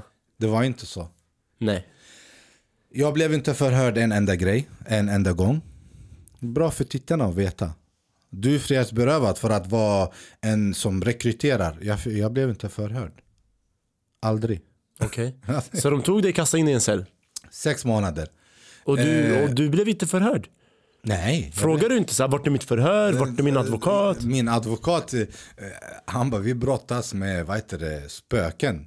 Va? Ja, ja, ja. Alltså, det finns ingenting att ta på. Du vet. Även de här eh, rättegångarna och handlingarna vi, vi gick igenom. Nej, alltså det, det var, det, det, de, eh, de skyddar sina källor och det finns ingenting. De lägger inte fram någonting. Men visste du, du var, visste du vad du var misstänkt för ens? Att rekrytera till IS? Det var väl det som var misstanken? Till Sunnimuslims nätverk. Det var misstanken, inte ens IS. Nej, nej, nej. Det finns... Så misstanken var att du De kan inte rekryterade... ens säga IS för att ingen från Mellansverige, speciellt där yani, min far och jag är aktiva, Ja, har åkt till IS. Okej, det Och var är mycket bevis- Göteborg ju. Enligt Ja. Säpo, du vet det finns ett, eh, jag har screenshot. Ja. Eh, två politiker, kommunalråd och en annan politiker i Gävle, de fick besök av Säpo innan det här hände på ett år tror jag. Två år, 2017. Jag har screenshot. Där Säpo säger det där stämmer inte vad Gävle Dagblad gjorde ju granskning och skrev en massa om min pappa du vet. Radikal islamism, IS, eh, våldsbejakande. Säpo var det stämmer ingen, inte. Ja, men det finns screenshot där Säpo har träffat politikerna. Politikerna skrev om det. De var tvärtom. Eh, vi samarbetar med Gävle moskén och eh, ingen har åkt från Mellansverige och det är bevis på att det är bra eh, liksom, eh, liksom föreningsliv här. Så, så jag måste bara återigen bekräfta nu. När folk reste till IS 2014-15 när det var, så var det ingen från Mellansverige som reste ner dit. Ingen. Och din pappa var verksam i Mellansverige. Ja exakt, I i Gävle. Gävle, moskén. Ingen har Men åkt. vi vet att folk har åkt från Göteborg, Stockholm, Malmö och Exakt, lite men andra inte ställen. från Och Gävle. Säpo hade samarbete med moskén. Ja exakt, det, det, det finns Det är också en viktig poäng. Jag, jag har en screenshot på två politiker som säger Som har det bekräftat att nej, härifrån, det är lugnt och fint här. Och det här, det här är känt. Ja, Martin Agård har tagit del av det. Han som gjorde Imam. Ja, ja, ja. Eh, Så du vet. Och sen efter det, bara på ett år, så blir den här frihetsberövande. Det sjuka är, jag blev Det frihetsberövad. här, det här går inte ihop. Alltså. Ja, nej, nej, nej. Lyssna på det här. 24, eh, 24 april 2019 blev jag frihetsberövad. Vad tror du att jag hade skrivit som sista status innan jag åker in? Vad jag tror? På Facebook? Ja. Jag har ingen aning. Alltså enligt de som tror att du är exakt. anhängare eller stöttar någonting hemskt så lär de ju tro att så här, du har skrivit länge lever kalifaten och sånt där galet. Jag hade skrivit en status om eh, terrorattacken som blev mot en eh, kyrka, jag tror i Nigeria. Det var en kyrka eh, 2019, eh, april, eh, 23 april 2019. Blev en kyrka eh, attackerad av eh, terrorister. terrorister. De hade bombat eller något sånt. Och då hade jag skrivit en status om detta att liksom terrorns blodiga hand har eh, liksom även eh, nått Guds hus och sådär. Hur kan du komma och säga till mig som har de här värderingarna, du är ett säkerhetshot och utlägger inga bevis. Där blev jag jätteförvånad över ett Sverige som jag inte visste fanns. Att den här demokratin, den gäller så länge du säger det som alla andra tycker du ska säga. Och många säger idag, Sverige har blivit, eh, vad heter det, eh, demokratisk diktatur. I min värld, som har växt upp med de här eh, värderingarna, som vi växte upp med och när vi studerade i Sverige och jobbade. Och det finns antingen demokrati eller diktatur. Att säga demokratisk diktatur som många säger idag, det funkar inte Det i min värld. Det är, Det som går- att säga nej, att går du, inte. det är som att säga att du är fattig rik. Det går inte. Det går det får, nej, det funkar inte. Och där eh, blev jag jätteförvånad. Alltså, du vet så här, eh, hemlighetsmakeri, det finns ingenting du får ta på. Det finns inget, alltså det finns inget. Du är rekryterad till ett sunnimuslimskt nätverk. Alla ungdomar, många av dem, eh, 23 personer skrev brev. Mm. De bara, det här stämmer inte. Shit, så du hade ändå stöd och sådär? Jag hade mycket stöd. Jag har det än idag. Liksom. Hur tror du jag lever idag när jag inte liksom får jobba? Och så där? Det är Mm. liksom genom vänner och familj. Det är så jag lever. Eh, och eh, det var, det var, det var där som, där, det, där är jag också tacksam. För att det är inte varje dag du får uppleva någonting som helt främmande, okänt för dig. Jag menar ju, jag visste inte att det här Sverige existerade. Eh, när jag blev liksom frihetsberövad, fulla restriktioner i en cell. Eh, jag har sett många, eh, om vi säger, jag har jobbat med alla möjliga. Så jag har haft kriminella, tungkriminella, springpojkar, skötsamma, kirurger, läkare. Så har jag sett vissa från undre världen som stör sig så mycket på kriminalvården. Och jag har alltid tänkt liksom, det här är en människa som gör sitt jobb precis som du anser att du gör ditt jobb. Och han, varför ska du störa? Och då kunde jag någonstans förstå. Jag är en person som ser lösningar. Så jag valde att städa i, när jag blev frihetsberövad. Du rör dig, du fräschar upp det där du duschar och sådär. Det var gult liksom i golvet för att folk kissar och det är inte rent i, i duscharna. Cellerna såg förjävliga ut. Och då tänkte jag jag vill också säga att jag blev jättebra bemött. Många har ställt frågan hur blev du? De var jättehärliga. Jag var positiv, glad. eh, Liksom, de bemötte mig på samma sätt. För du kan inte leka tuff mot en plit som gör sitt jobb. Spotta och vara... Han gör sitt jobb. Han, det är någon som har bestämt att det ska vara på det sättet. Vad ska du sitta där och vara respektlös och hota? Alltså, du är inte tuff. De frågade vår profet Muhammed sallallahu alaihi wasallam. De sa Vem är en man? Folk vet vad är manlighet? Han sa en man är den som hanterar sin ilska. Som hanterar sig under sin ilska. Det är en man. Så du kan inte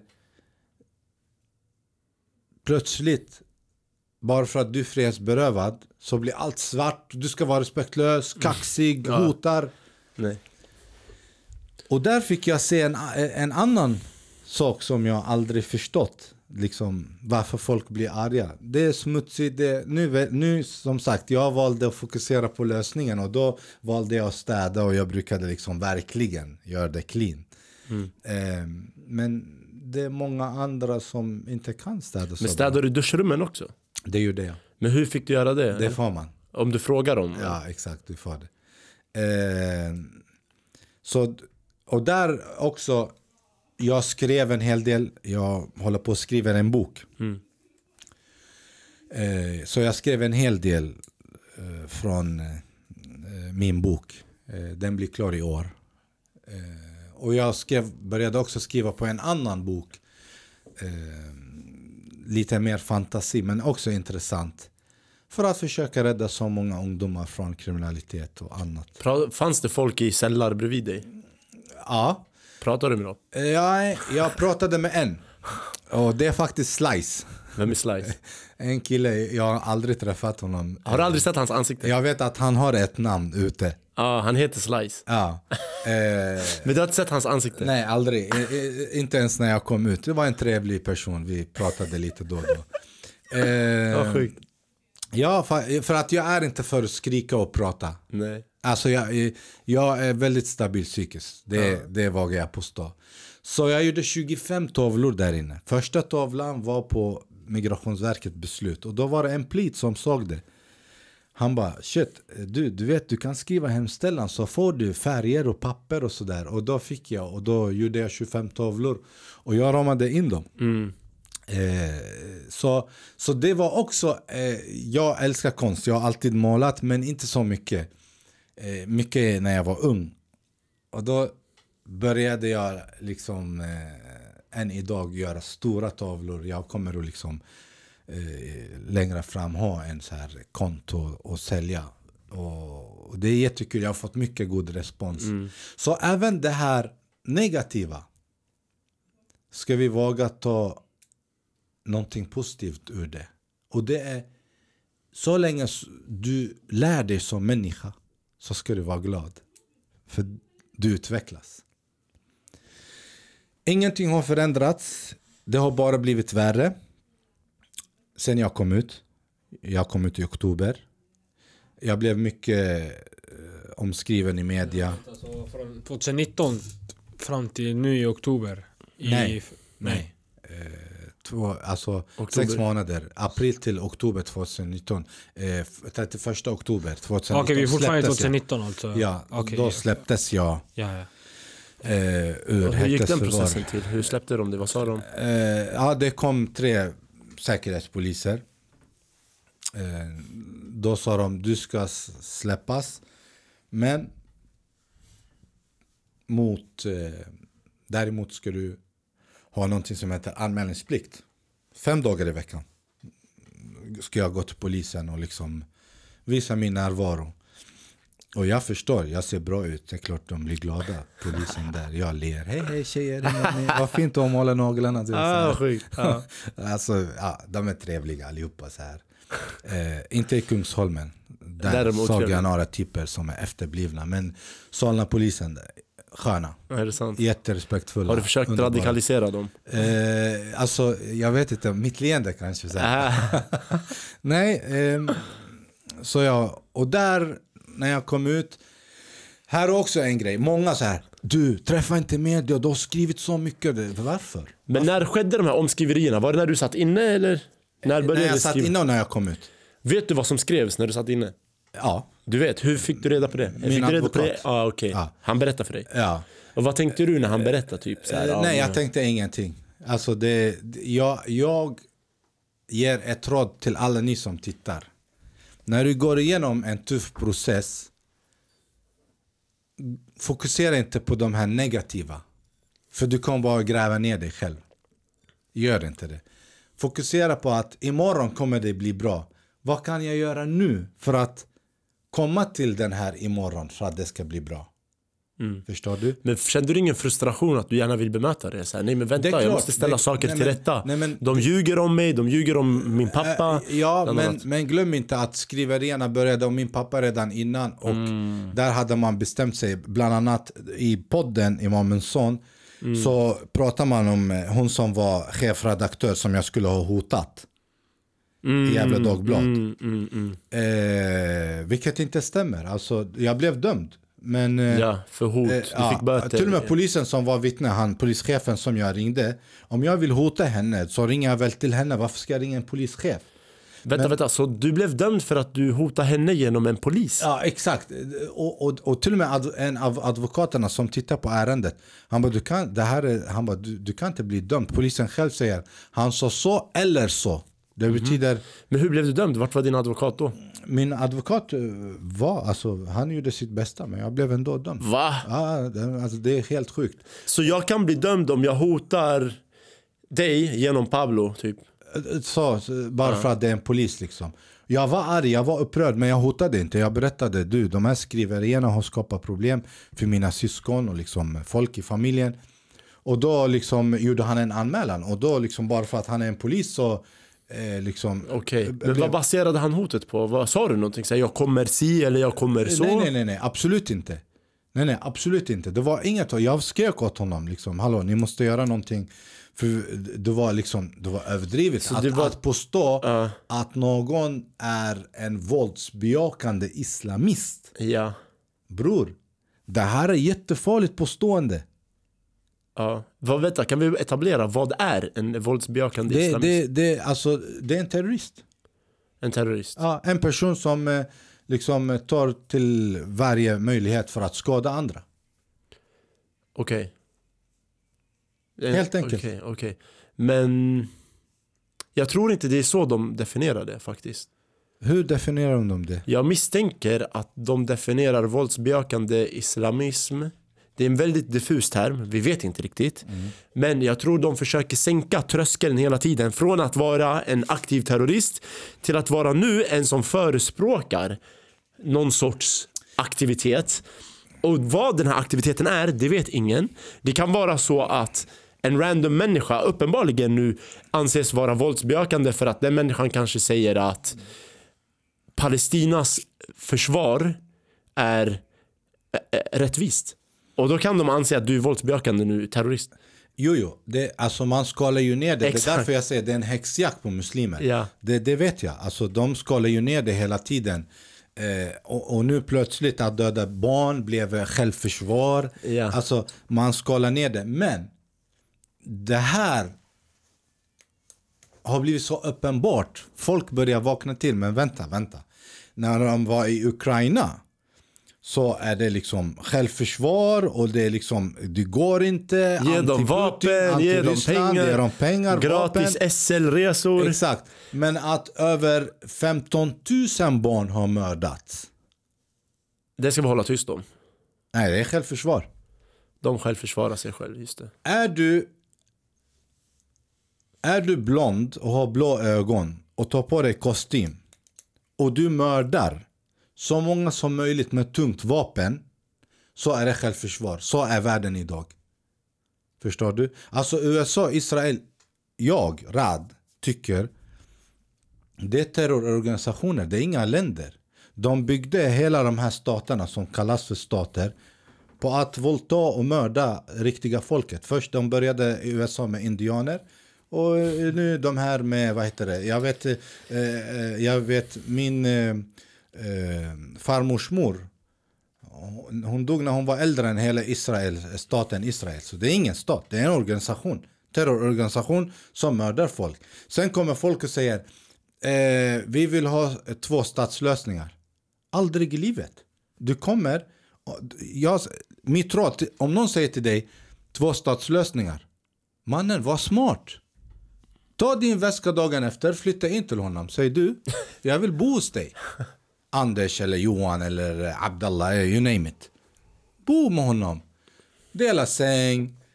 Ät hur du vill. Han kommer kasta ut dig. Säger du, då vet du. Det funkar inte med två statslösningar. Det finns inte. Just det. Delad äganderätt.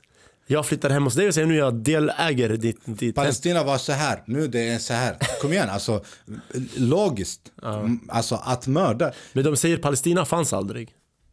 Vilka säger det? De som är för Israel igen. Ja, alltså det, det, det är för att de här människorna, det är många, de säger väldigt mycket saker. Det finns många rasister och hatare och sådär. Men jag förlåter dem. Jag har förståelse för dem. De som tycker islam är radikal, eh, Palestina inte finns, eh, invandrare är liksom en belastning. Vet du varför? Det här är okunniga människor. Och okunniga människor Istället för att hata tillbaka och kriga tillbaka ska vi vägleda kärleksfullt. Folk måste förstå. Lyssna.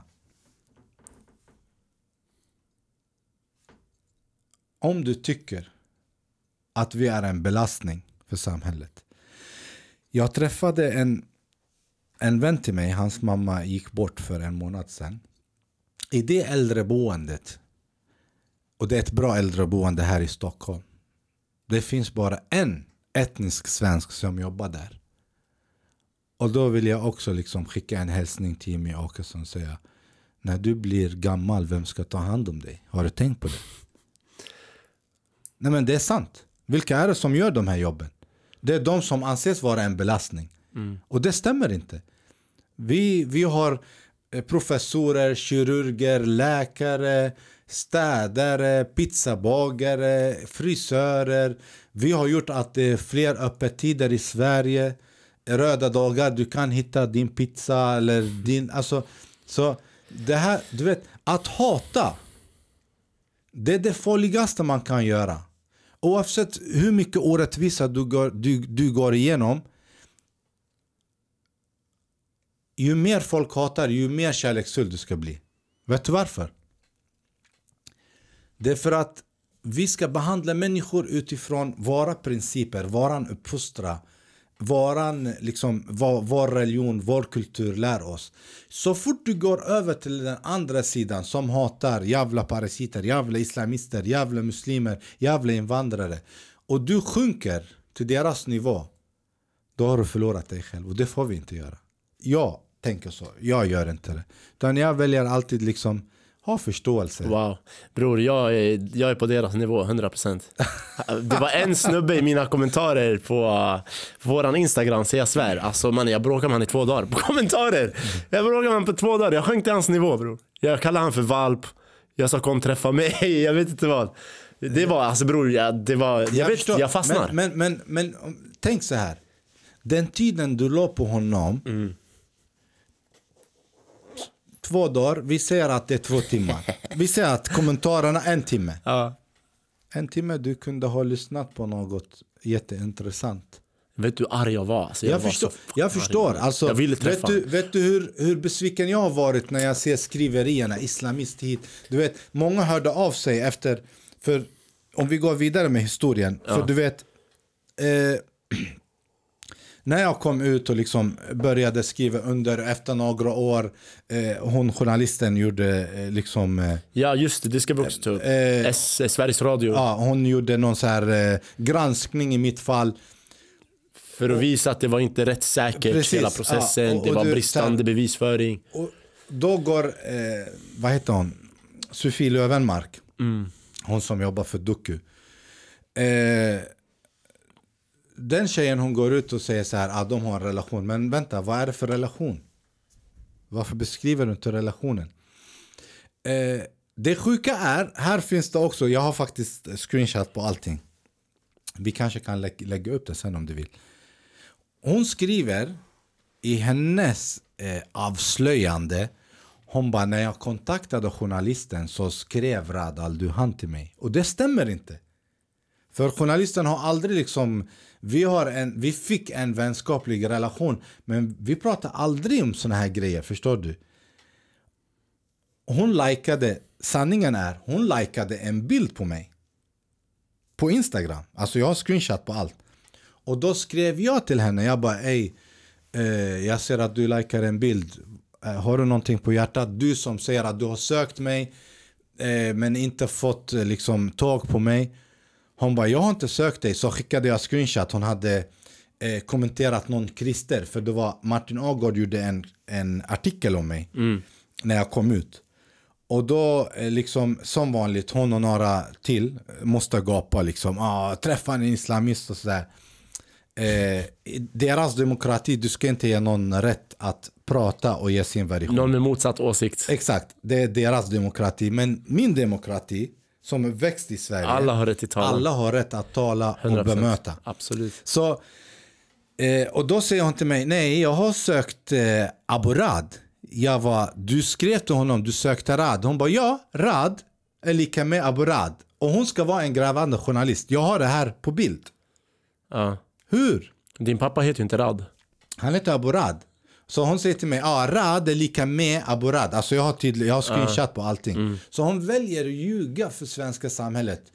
Istället för att liksom säga precis som det är. Jag likade en bild. Jag vet att du tycker att jag är fin, men du kan inte få mig. Men eh, just den här är grejen, journalisten, liksom? det, det skrevs ju hon gjorde reportage som underströk och bevisade att processen kring det och din pappa inte hade hög rättssäkerhet. Ja. Det, det var mycket brister i bevisföringen och det var mycket som, som man kunde ställa frågor kring. Ja. Eh, Men sen gick då Doku och hon Lövenmark ut med att du och den här journalisten ska ha haft någon kärleksrelation.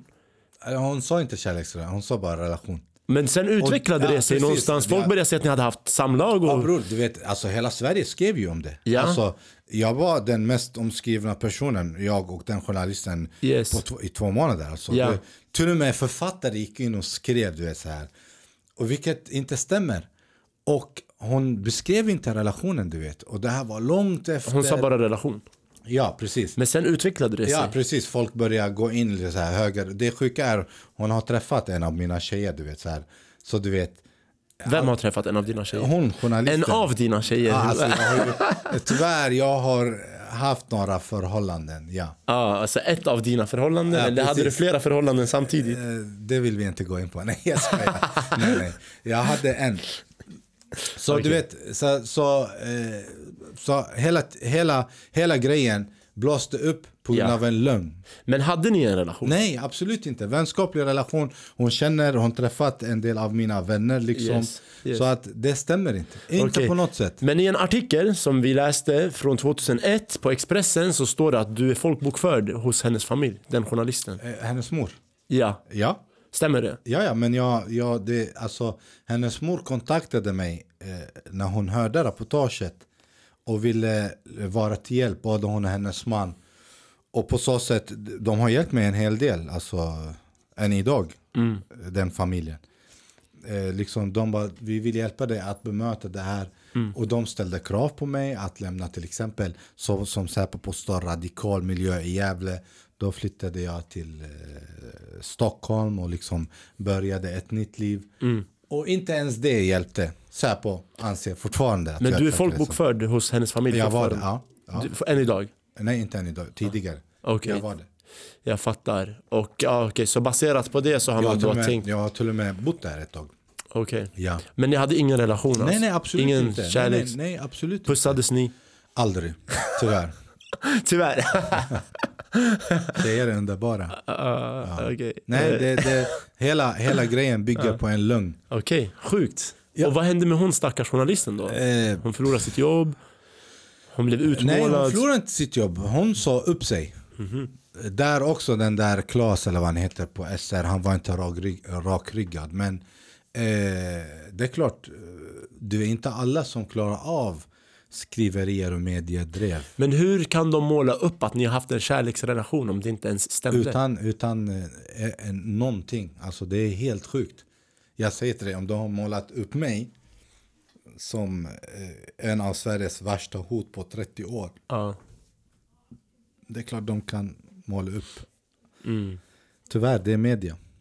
Det sjuka är i det här, det är att vissa journalister tog kontakt med mig så här, efteråt. Så här. Och de vill att jag ska träffa dem.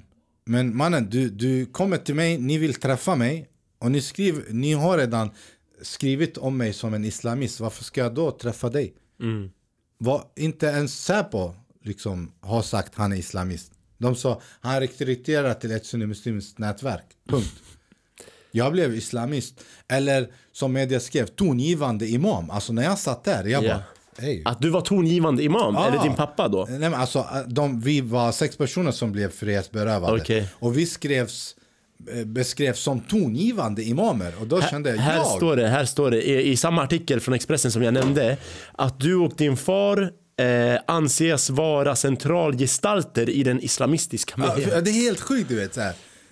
Men varför blev din pappa målad för allt det här? För det är främst han de har målat Ja, upp och sen precis. har du eh, hamnat under Precis, det. det blev, allting började med skriverier från jävla Dagblad. Och vad baserades de här skriverierna på? Eh, Ingen, de har inte ett enda bevis, det är bullshit. Hur kom det ens upp på tal då?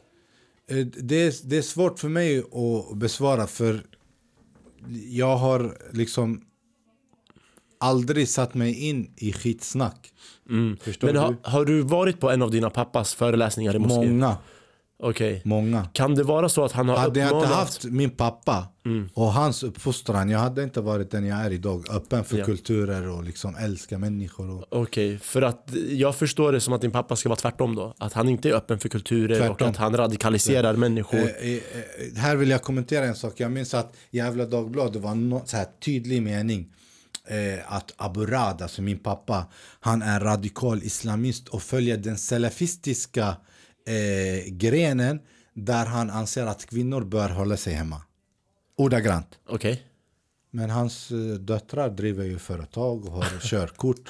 det är sjukt. Men, men å andra sidan, yani, om jag anser att min kvinna ska hålla sig hemma och jag tycker det är så jag känner.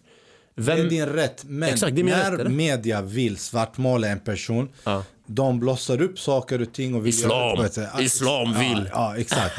Och du vet, det, här, det, det, det är så sorgligt att man väljer att använda media, det sta, starkaste vapnet, Ja. till att skapa splittring istället för att skapa så här samhörighet. men du vet ju att vissa har tjänat på att skapa den här splittringen. Ja, det är klart. Och de har nått långt. Absolut. tjänat pengar. Absolut. Men, då- men, men, men en sak som jag tror på, Mm. jag grad.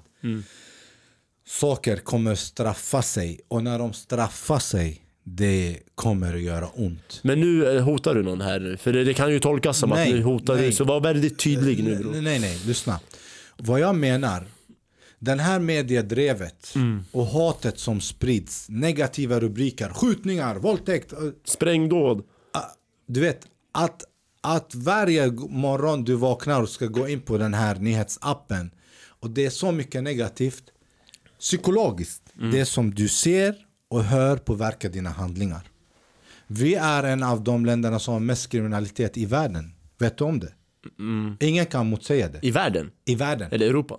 Nej, nej, nej, i världen. Okej. Sverige. Okej. Per capita eller? Nej men alltså om vi, Ja, per ja, capita, ja, ja, det är klart. Ja, ja, men om du, om vi, om, låt oss För tänk, vi jämför med Afrika, Mexiko, Sydamerika nu. När du säger världen är mycket. Ja, ja, absolut, det är klart vi ska jämföra oss med Mexiko. Vi är Vi ett land med en- 8-10 miljoner och vi har så mycket kriminalitet. Ja, det är per capita. Du ja. vet när de tog eh, till exempel det här eh, när de eh, knäckte Anom eller vad heter det? Encro. Encro. Har du sett hur många av dem som blev från Sverige? Nej, jag vet Vårbynätverket bland annat. Enligt, eh, vi, har haft en gäst, många. vi har haft en gäst som heter Metro. Metro Finans. Enligt, Han till exempel, det finns folk som han som säger att om man kollar på statistiken så har det inte ändrats sen typ så här 90-talet eller vad det var. Eller så här 80-talet. Så har det inte ändrats. Vad då för någonting? Kriminaliteten. Nej, det har nej, ändrat nej, form. Antal, nej, nej, an, det har antal ändrat- anmälningar är ungefär Han, samma. han menar att generellt har ju kriminaliteten gått ner men gängmiljön och gängkriminalitet har gått upp. Alltså det är en annan typ av kriminalitet. För Ja. förut, kriminell det kunde vara att du misshandlade din fru och i Sverige det var väldigt vanligt. Ja, precis. men det har ju gått ner. Ja, exakt. Men den här, äh, vad heter vad man kallar det? Vapenvåldet har ju gått upp. Ja, exakt. saker. Och det, det är i ett litet land som Sverige. Mm.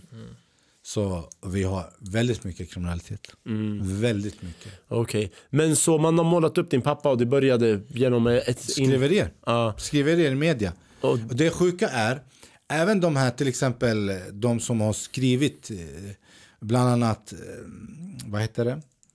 Försvarshögskolan. ja, du menar Ramstorp eller? Ja, och de här, alltså de, det här är människor som aldrig samtalat med personerna de skriver om. Hur kan du skriva om en person utan att sitta där och säga hej? Vad är du för muslim? Hur anser...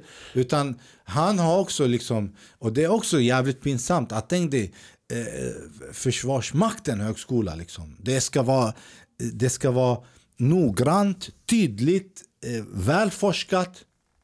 Bror, det har blivit som ett dagis. Ja. Han skrev i sin rapport att jag var dömd och då var jag inte dömd för hotet. När han skrev, jag var inte dömd. Det är så här, det har blivit en soppa. Det är så här, totalt islamofobi. Kör. Alla säger bra jobbat. Men det är så- sorgligt. Okej, men så du har varit på föreläsningarna som din pappa har hållit. Har han uttryckt något hat mot Sverige Aldrig. eller mot Europa? Aldrig. Och, och jag måste fråga nu, för vi i podden vi kritiserar ju väldigt mycket USA och Europa och vi säger att typ så här, de har betett sig illa historiskt. Vi, det är historien som talar bror. Ja. Eh, men jag undrar nu att om en muslim nu skulle kritisera Europa, anses det vara våldsbejakande av något slag? Eh, det gör det. Men det är ju sjukt. Varför har inte en muslim rätt att kritisera Tyvärr, Europa? tyvärr. Det, det, det, kolla. Den här meningen eh, brukar en broder till mig eh, säga. Och, och han säger Idag lever vi i en värld där det inte är viktigt vad som sägs utan vem som säger vad. Så om du säger någonting bra, ingen bryr sig.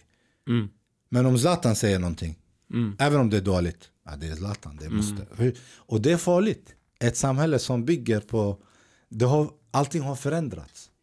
Det är, så, det är det jag säger, det vi ser, det vi hör, det påverkar våra handlingar. Därför måste man vara väldigt försiktig som individ, som familj, som ett samhälle. Så du vet, det, det var det jag var inne på. De här skriverierna, det här hatet, splittringen.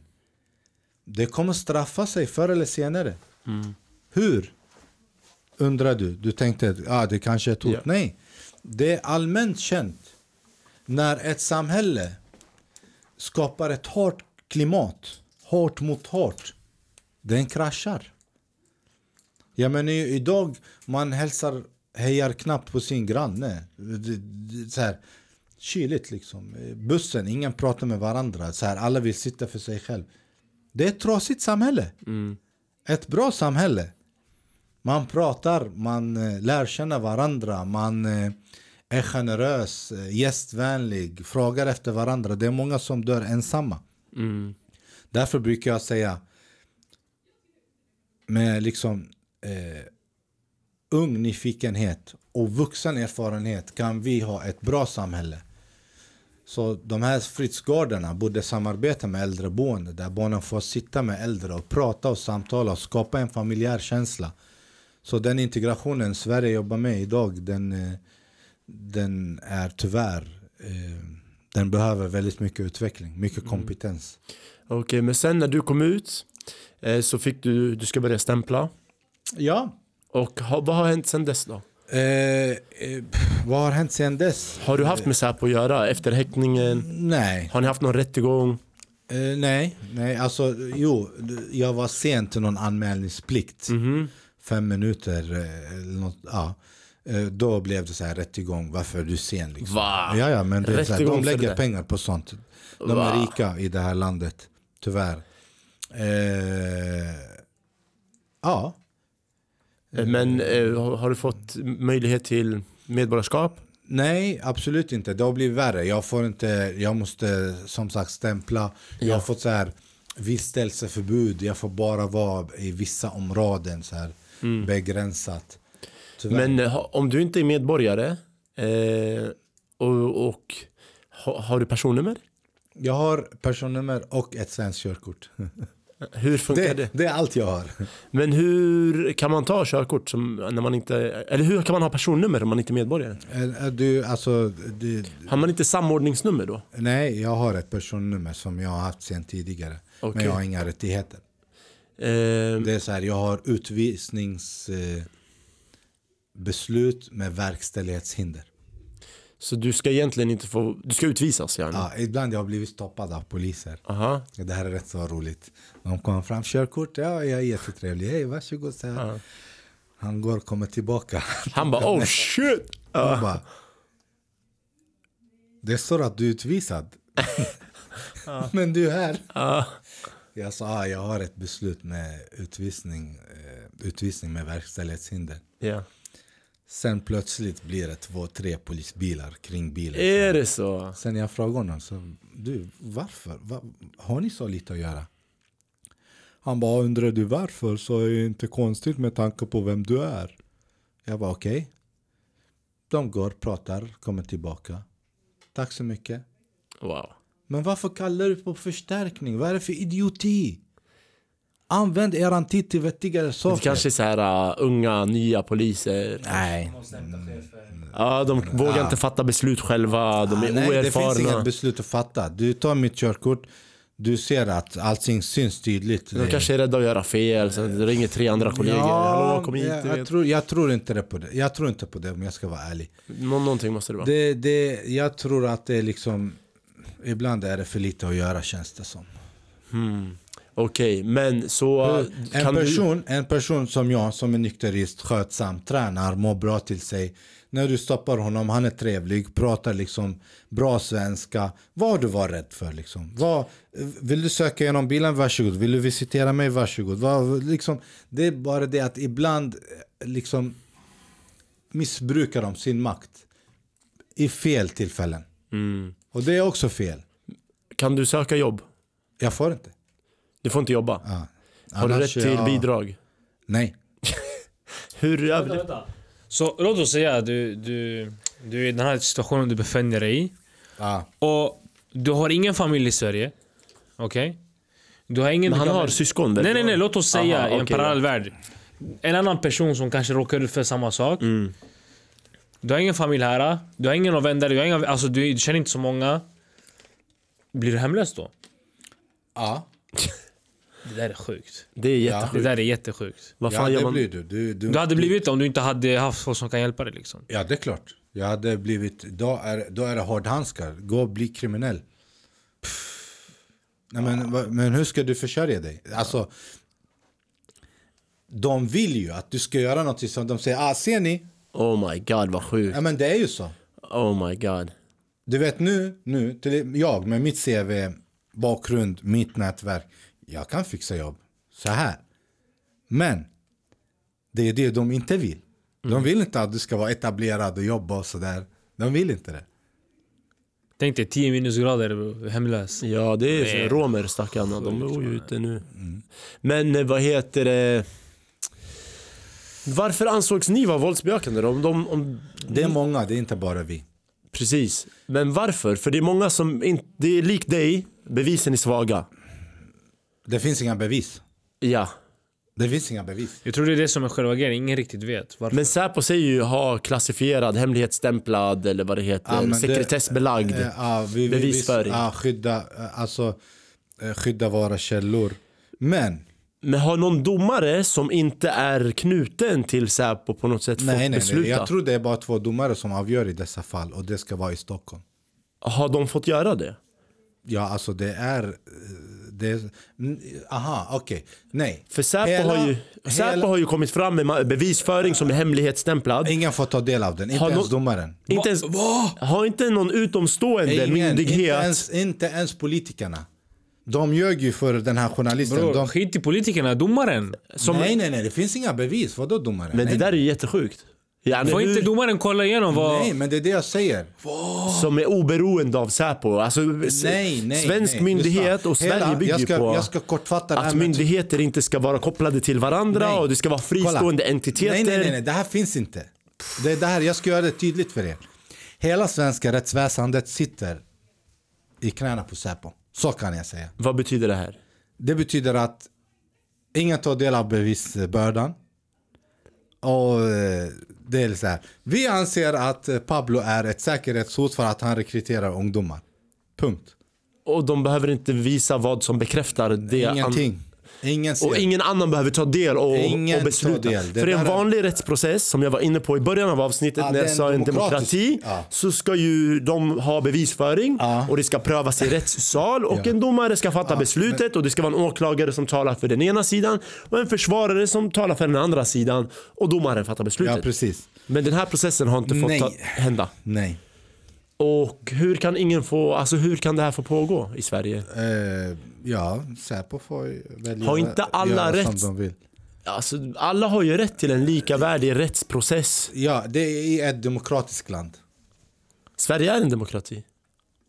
Inte för mig. För jag har gått igenom det här. Hur ska jag säga att det här är ett demokratiskt land Ja. när jag liksom inte Men- har fått bemöta någonting? Men vet du några andra än muslimer som har fått eh, gå igenom samma Absolut. behandling? Eh, Kurder.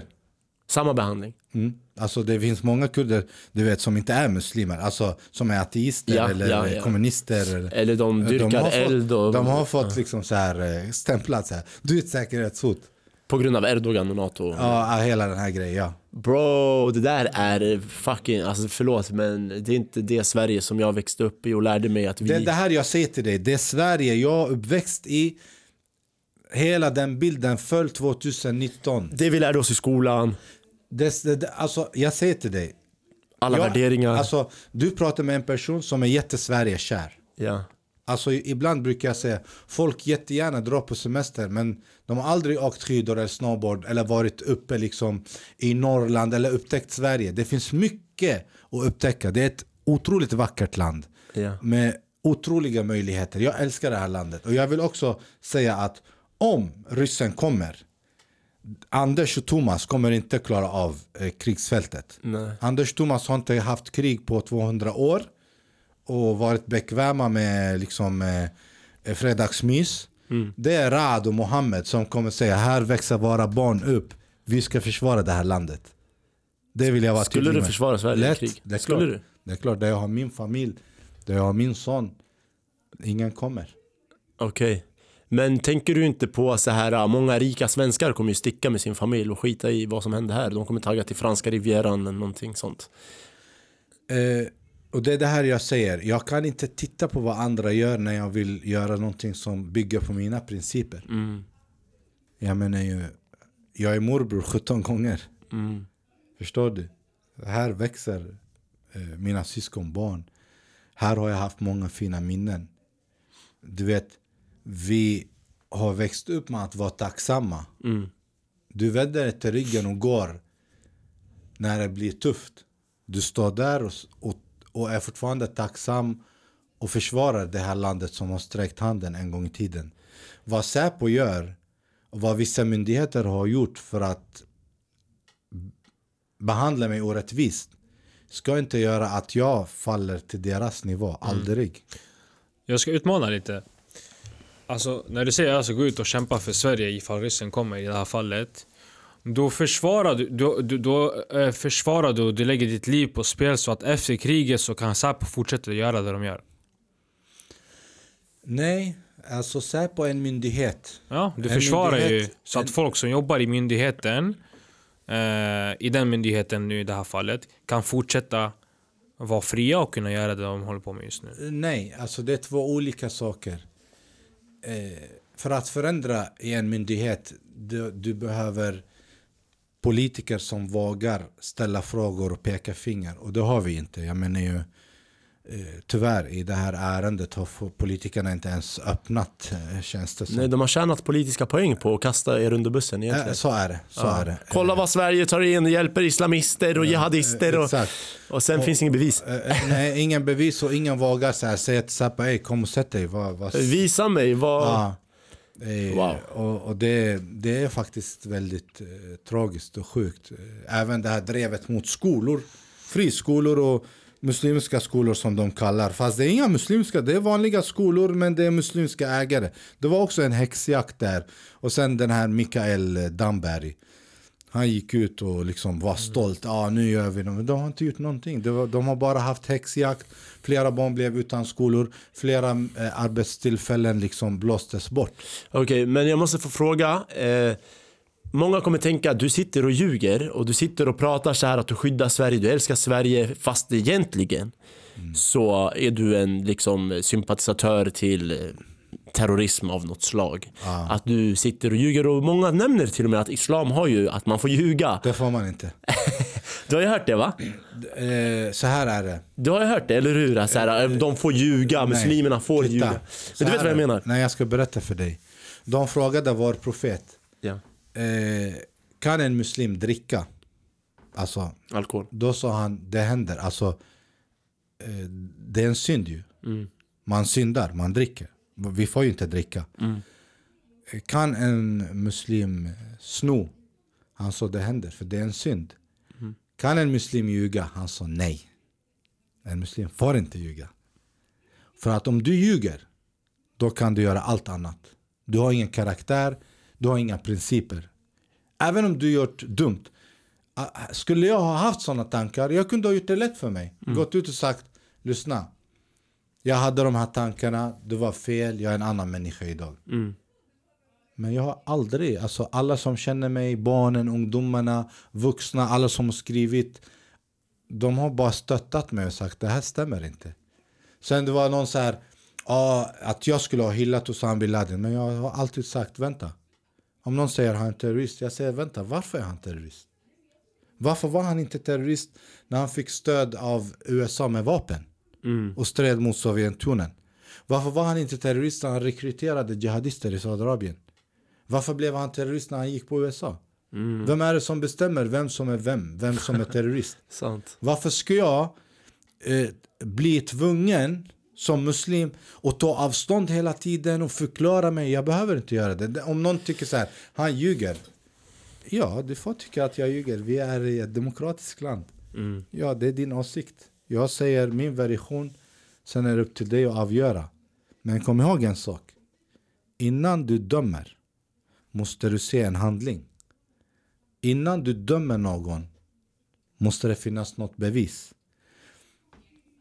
Och jag har aldrig varit en sån här en moralpolis, peka finger. Jag har alltid liksom försökt vägleda människor kärleksfullt, få dem på bättre banor. Jag skiter i om du är terrorist, om du är våldtäktsman, om du är kirurg. Det är inte min uppgift att veta vem du är.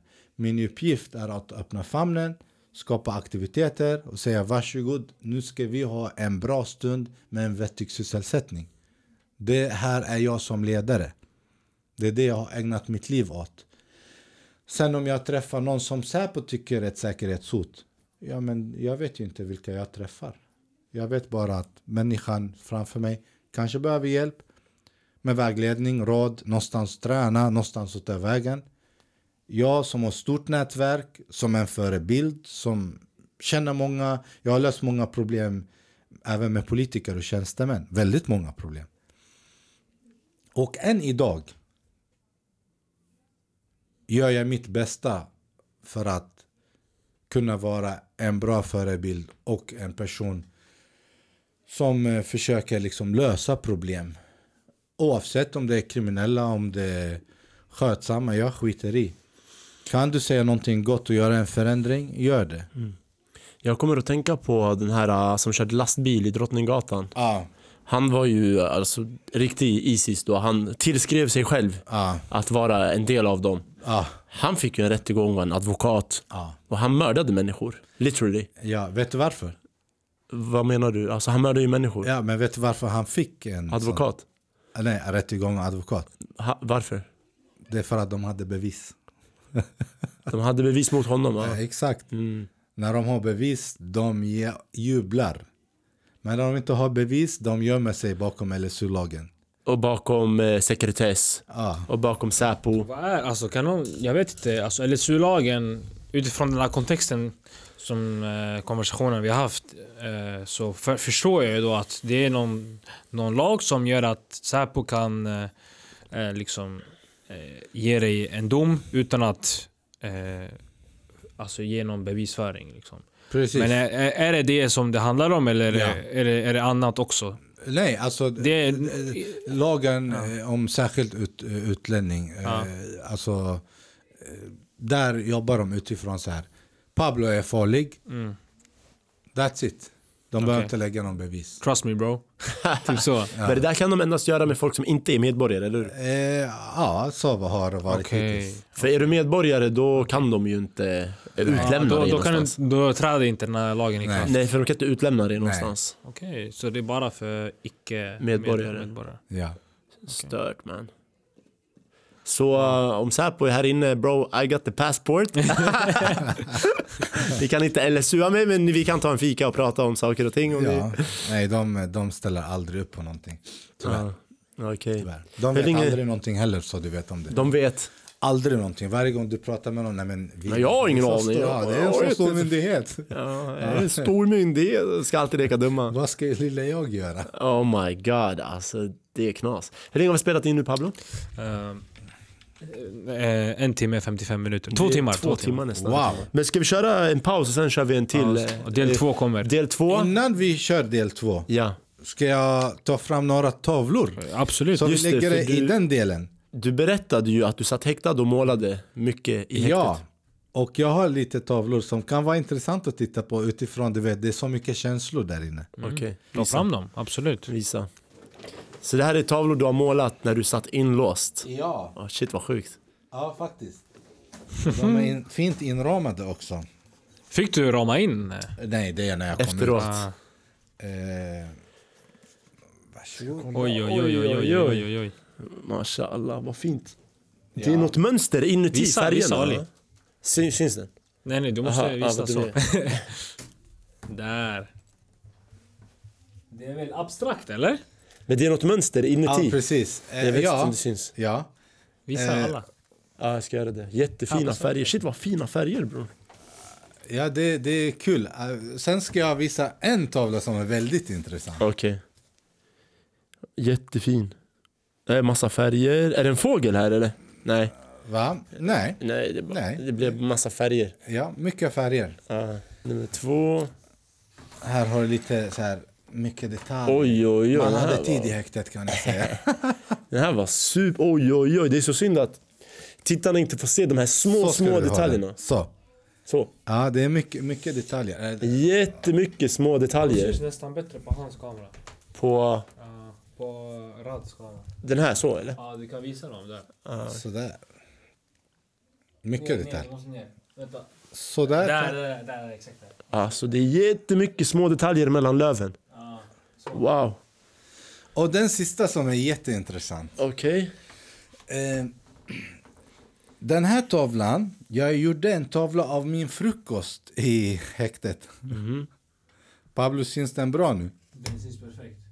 Okej? Oj, det ser ut som någon kinesisk, asiatisk. Ja, exakt. Jag kan göra så här. Ska jag zooma in eller? Den här har ingen zoom för fan. Jo, den har zoom. Så. Den, här- den, den här är rätt så intressant. Ser du ansiktet? Ja. Det är eh, Bregottsmöret som vi får på morgonen. Du har målat fyrkanten med Bregott som ram yani. Den här och den här cirkeln här på kanterna. Mm. Det är korken till eh, det här lilla mjölkpaketet. Mm. Den här cirkeln, de är i mitten alltså. Mm. Det är själva koppen man får dricka med i häktet. eh, de här, det är kniven och gaffeln liksom och skeden. Så jag har till och med tagit med mönstret, det är så här plastbestick. Så du har tryckt det mot pappret och dragit Ja, linjer och- runt ja, omkring. Exakt, fixat. Sen har jag fyllt på. Och den här halva liksom på kanterna helt. Ja. Det är själva papptallriken som vi får cornflakes i. Aha. Och sen har jag fyllt den med färger. Och då fick, vi, fick jag den här tavlan. Jag har fått faktiskt en bra summa. Men jag har sagt nej. Är det sant? Ja. Så är det. Vad sjukt. Jättekreativt. Idag gör jag väldigt stora tavlor. Okej. Alltså, Otroligt fina faktiskt. Ja, faktiskt. ja, nej det är kul. Det Min är, mormor hade älskat, hon målar också. ja vad kul. Med oljefärger. Ja, Ja, så hon hade älskat att se de här. Spännande. Jag önskar folk kunde se um, det, för de är ju målade, man ser att det här är liksom, han har gjort det men det, han har kunnat göra det liksom. ja, Det Ja. är bläck, eh, penna, ja. det är... Det är jättefint. Vilka detaljer alltså. Det är helt sjukt. ja det är roligt faktiskt. Ja. Det är roligt. Men eh, du var bra på att måla innan antar jag. Eftersom... Ja, Men det blev bättre där inne. Ja, Mm. men idag gör jag alltså tavlor som bara ramarna kostar 4-6 tusen. Va? Ja, ja, idag är det gigantiska tavlor. Och du ska ha en utställning en dag inshallah och sälja Mm, kanske? Ja, det är om jag inte... Jag skulle vilja göra någon gång men jag vill mer så här ha eget konto för det kom, de kommer vara ganska höga i pris. Det är mina känslor bror. Jag fattar. Tänk du tar min historia, mina känslor har dem på en vägg. Ja, det är... Shit, vi, vi ville ha ju någon konst på våra väggar när vi har vår studio. Vår jag egen vi kommer ha råd med det. Äh, jo, kanske. Vem vet? Nej, en dag. nej det, det är tvärtom. Jag, jag har tänkt på det för när jag har tittat här. Men när ni flyttar, säg till mig så fixar vi någonting gigantiskt. Okej. Ja. Fan vad spännande. Ja, Ja, riktigt vet ni vad vi kan göra? Vadå? Man kan köpa duk Mm. och då ska den vara stor. Mm. Hänga den, måla, så här, mycket känslor, mycket färger. Den ska vara färgglad, Mm, mm. intressant och sen spika fast den på en så här riktig tavla och hänga upp den. Okej. Mm. Och då ni som klagar på den här korkfärgväggen här bak. Det är många som har sagt så här, byt, byt vägg. Det är som att det är min pappas byggnad man när jag ska byta vägg. Ja, det, det har jag också tänkt på. Men det här är ju inte eran studio. Det är inte våran. Det är därför jag tänkte så här. Eh, Jag längtar tills vi, Vi har egen. planer, vi har planer. Nice. Ja, Vi har lite grejer på G dock. Visst. Så det kommer komma. 2024, jag tror nästa spik vi kommer ha vår studio. jag hoppas det. Om inte Säpo burar in oss. nej, nej, nej. Ni, ni gör Nej, ett jag tror bra inte jobb. heller. Eh, Men det är spännande tider och vi, vi tar en paus, vi spelar in en del två och i Ja. del två så ska vi prata mer, lite mindre om ditt liv kanske, Ja. men mer om eh, samhället idag vi lever i, politiken, eh, klyftorna som växer både i den liksom, Integrationen. integrationen och hög, högerradikala islamofobiska sidan och och lösningar på problem. om det finns några. jo, ja, det finns lösningar. Tredje världskriget är lösning tror jag. nej, nej, nej, nej, nej. Put, Putte har inte kommit hit än. Nej, men Putte, ah, Putte ja, ja, ja, just det. Jag måste bara säga att jag ehm, har verkligen... eh, Det, har chockat mig. Jag visste... Jag hade inte lika mycket koll som Ali hade på det här fallet. Men jag var verkligen chockad att sånt här fanns. Alltså, jag visste Ja. inte. Lite som dig 2019, inte i samma extrema så. Chock, men jag har ändå fått en... eh, Som en liten switch i mitt huvud och, Ja. och verkligen eh, insett att wow, det finns verkligen en dark side till Sverige som jag verkligen inte visste om. Ja, och jag Så tror att, det, eh, det är många... Jag, tror, jag hoppas flera liksom får en tanke, liksom, en ny... Väcker tankar helt enkelt. Ja. Eh, så att jag, jag kommer nog definitivt gräva mer i det här uh, och kolla och, Ja. och intressera mig. För jag tror det här är, det är viktigt att för folk att höra. Yes.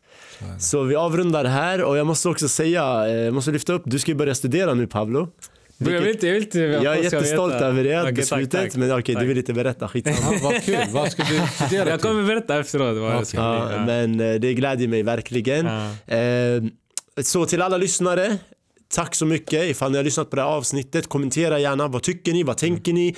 Och ni som har varit med och kanske läst om fallet och nu när ni får höra Rads egna berättelser kring det hela kommentera gärna och eh, var medvetna om hur saker och ting funkar och eh, Dela med er till era nära och kära och jag vill ge er ett stort tack att ni har lyssnat på det här avsnittet och eh, följ med på nästa avsnitt för det kommer bli ännu mer intressant och vi bryter ner dagens situation ute i samhället 2024 5 januari eh, och stort tack att ni har lyssnat. Vi hörs strax igen. Ha det bra. Nice.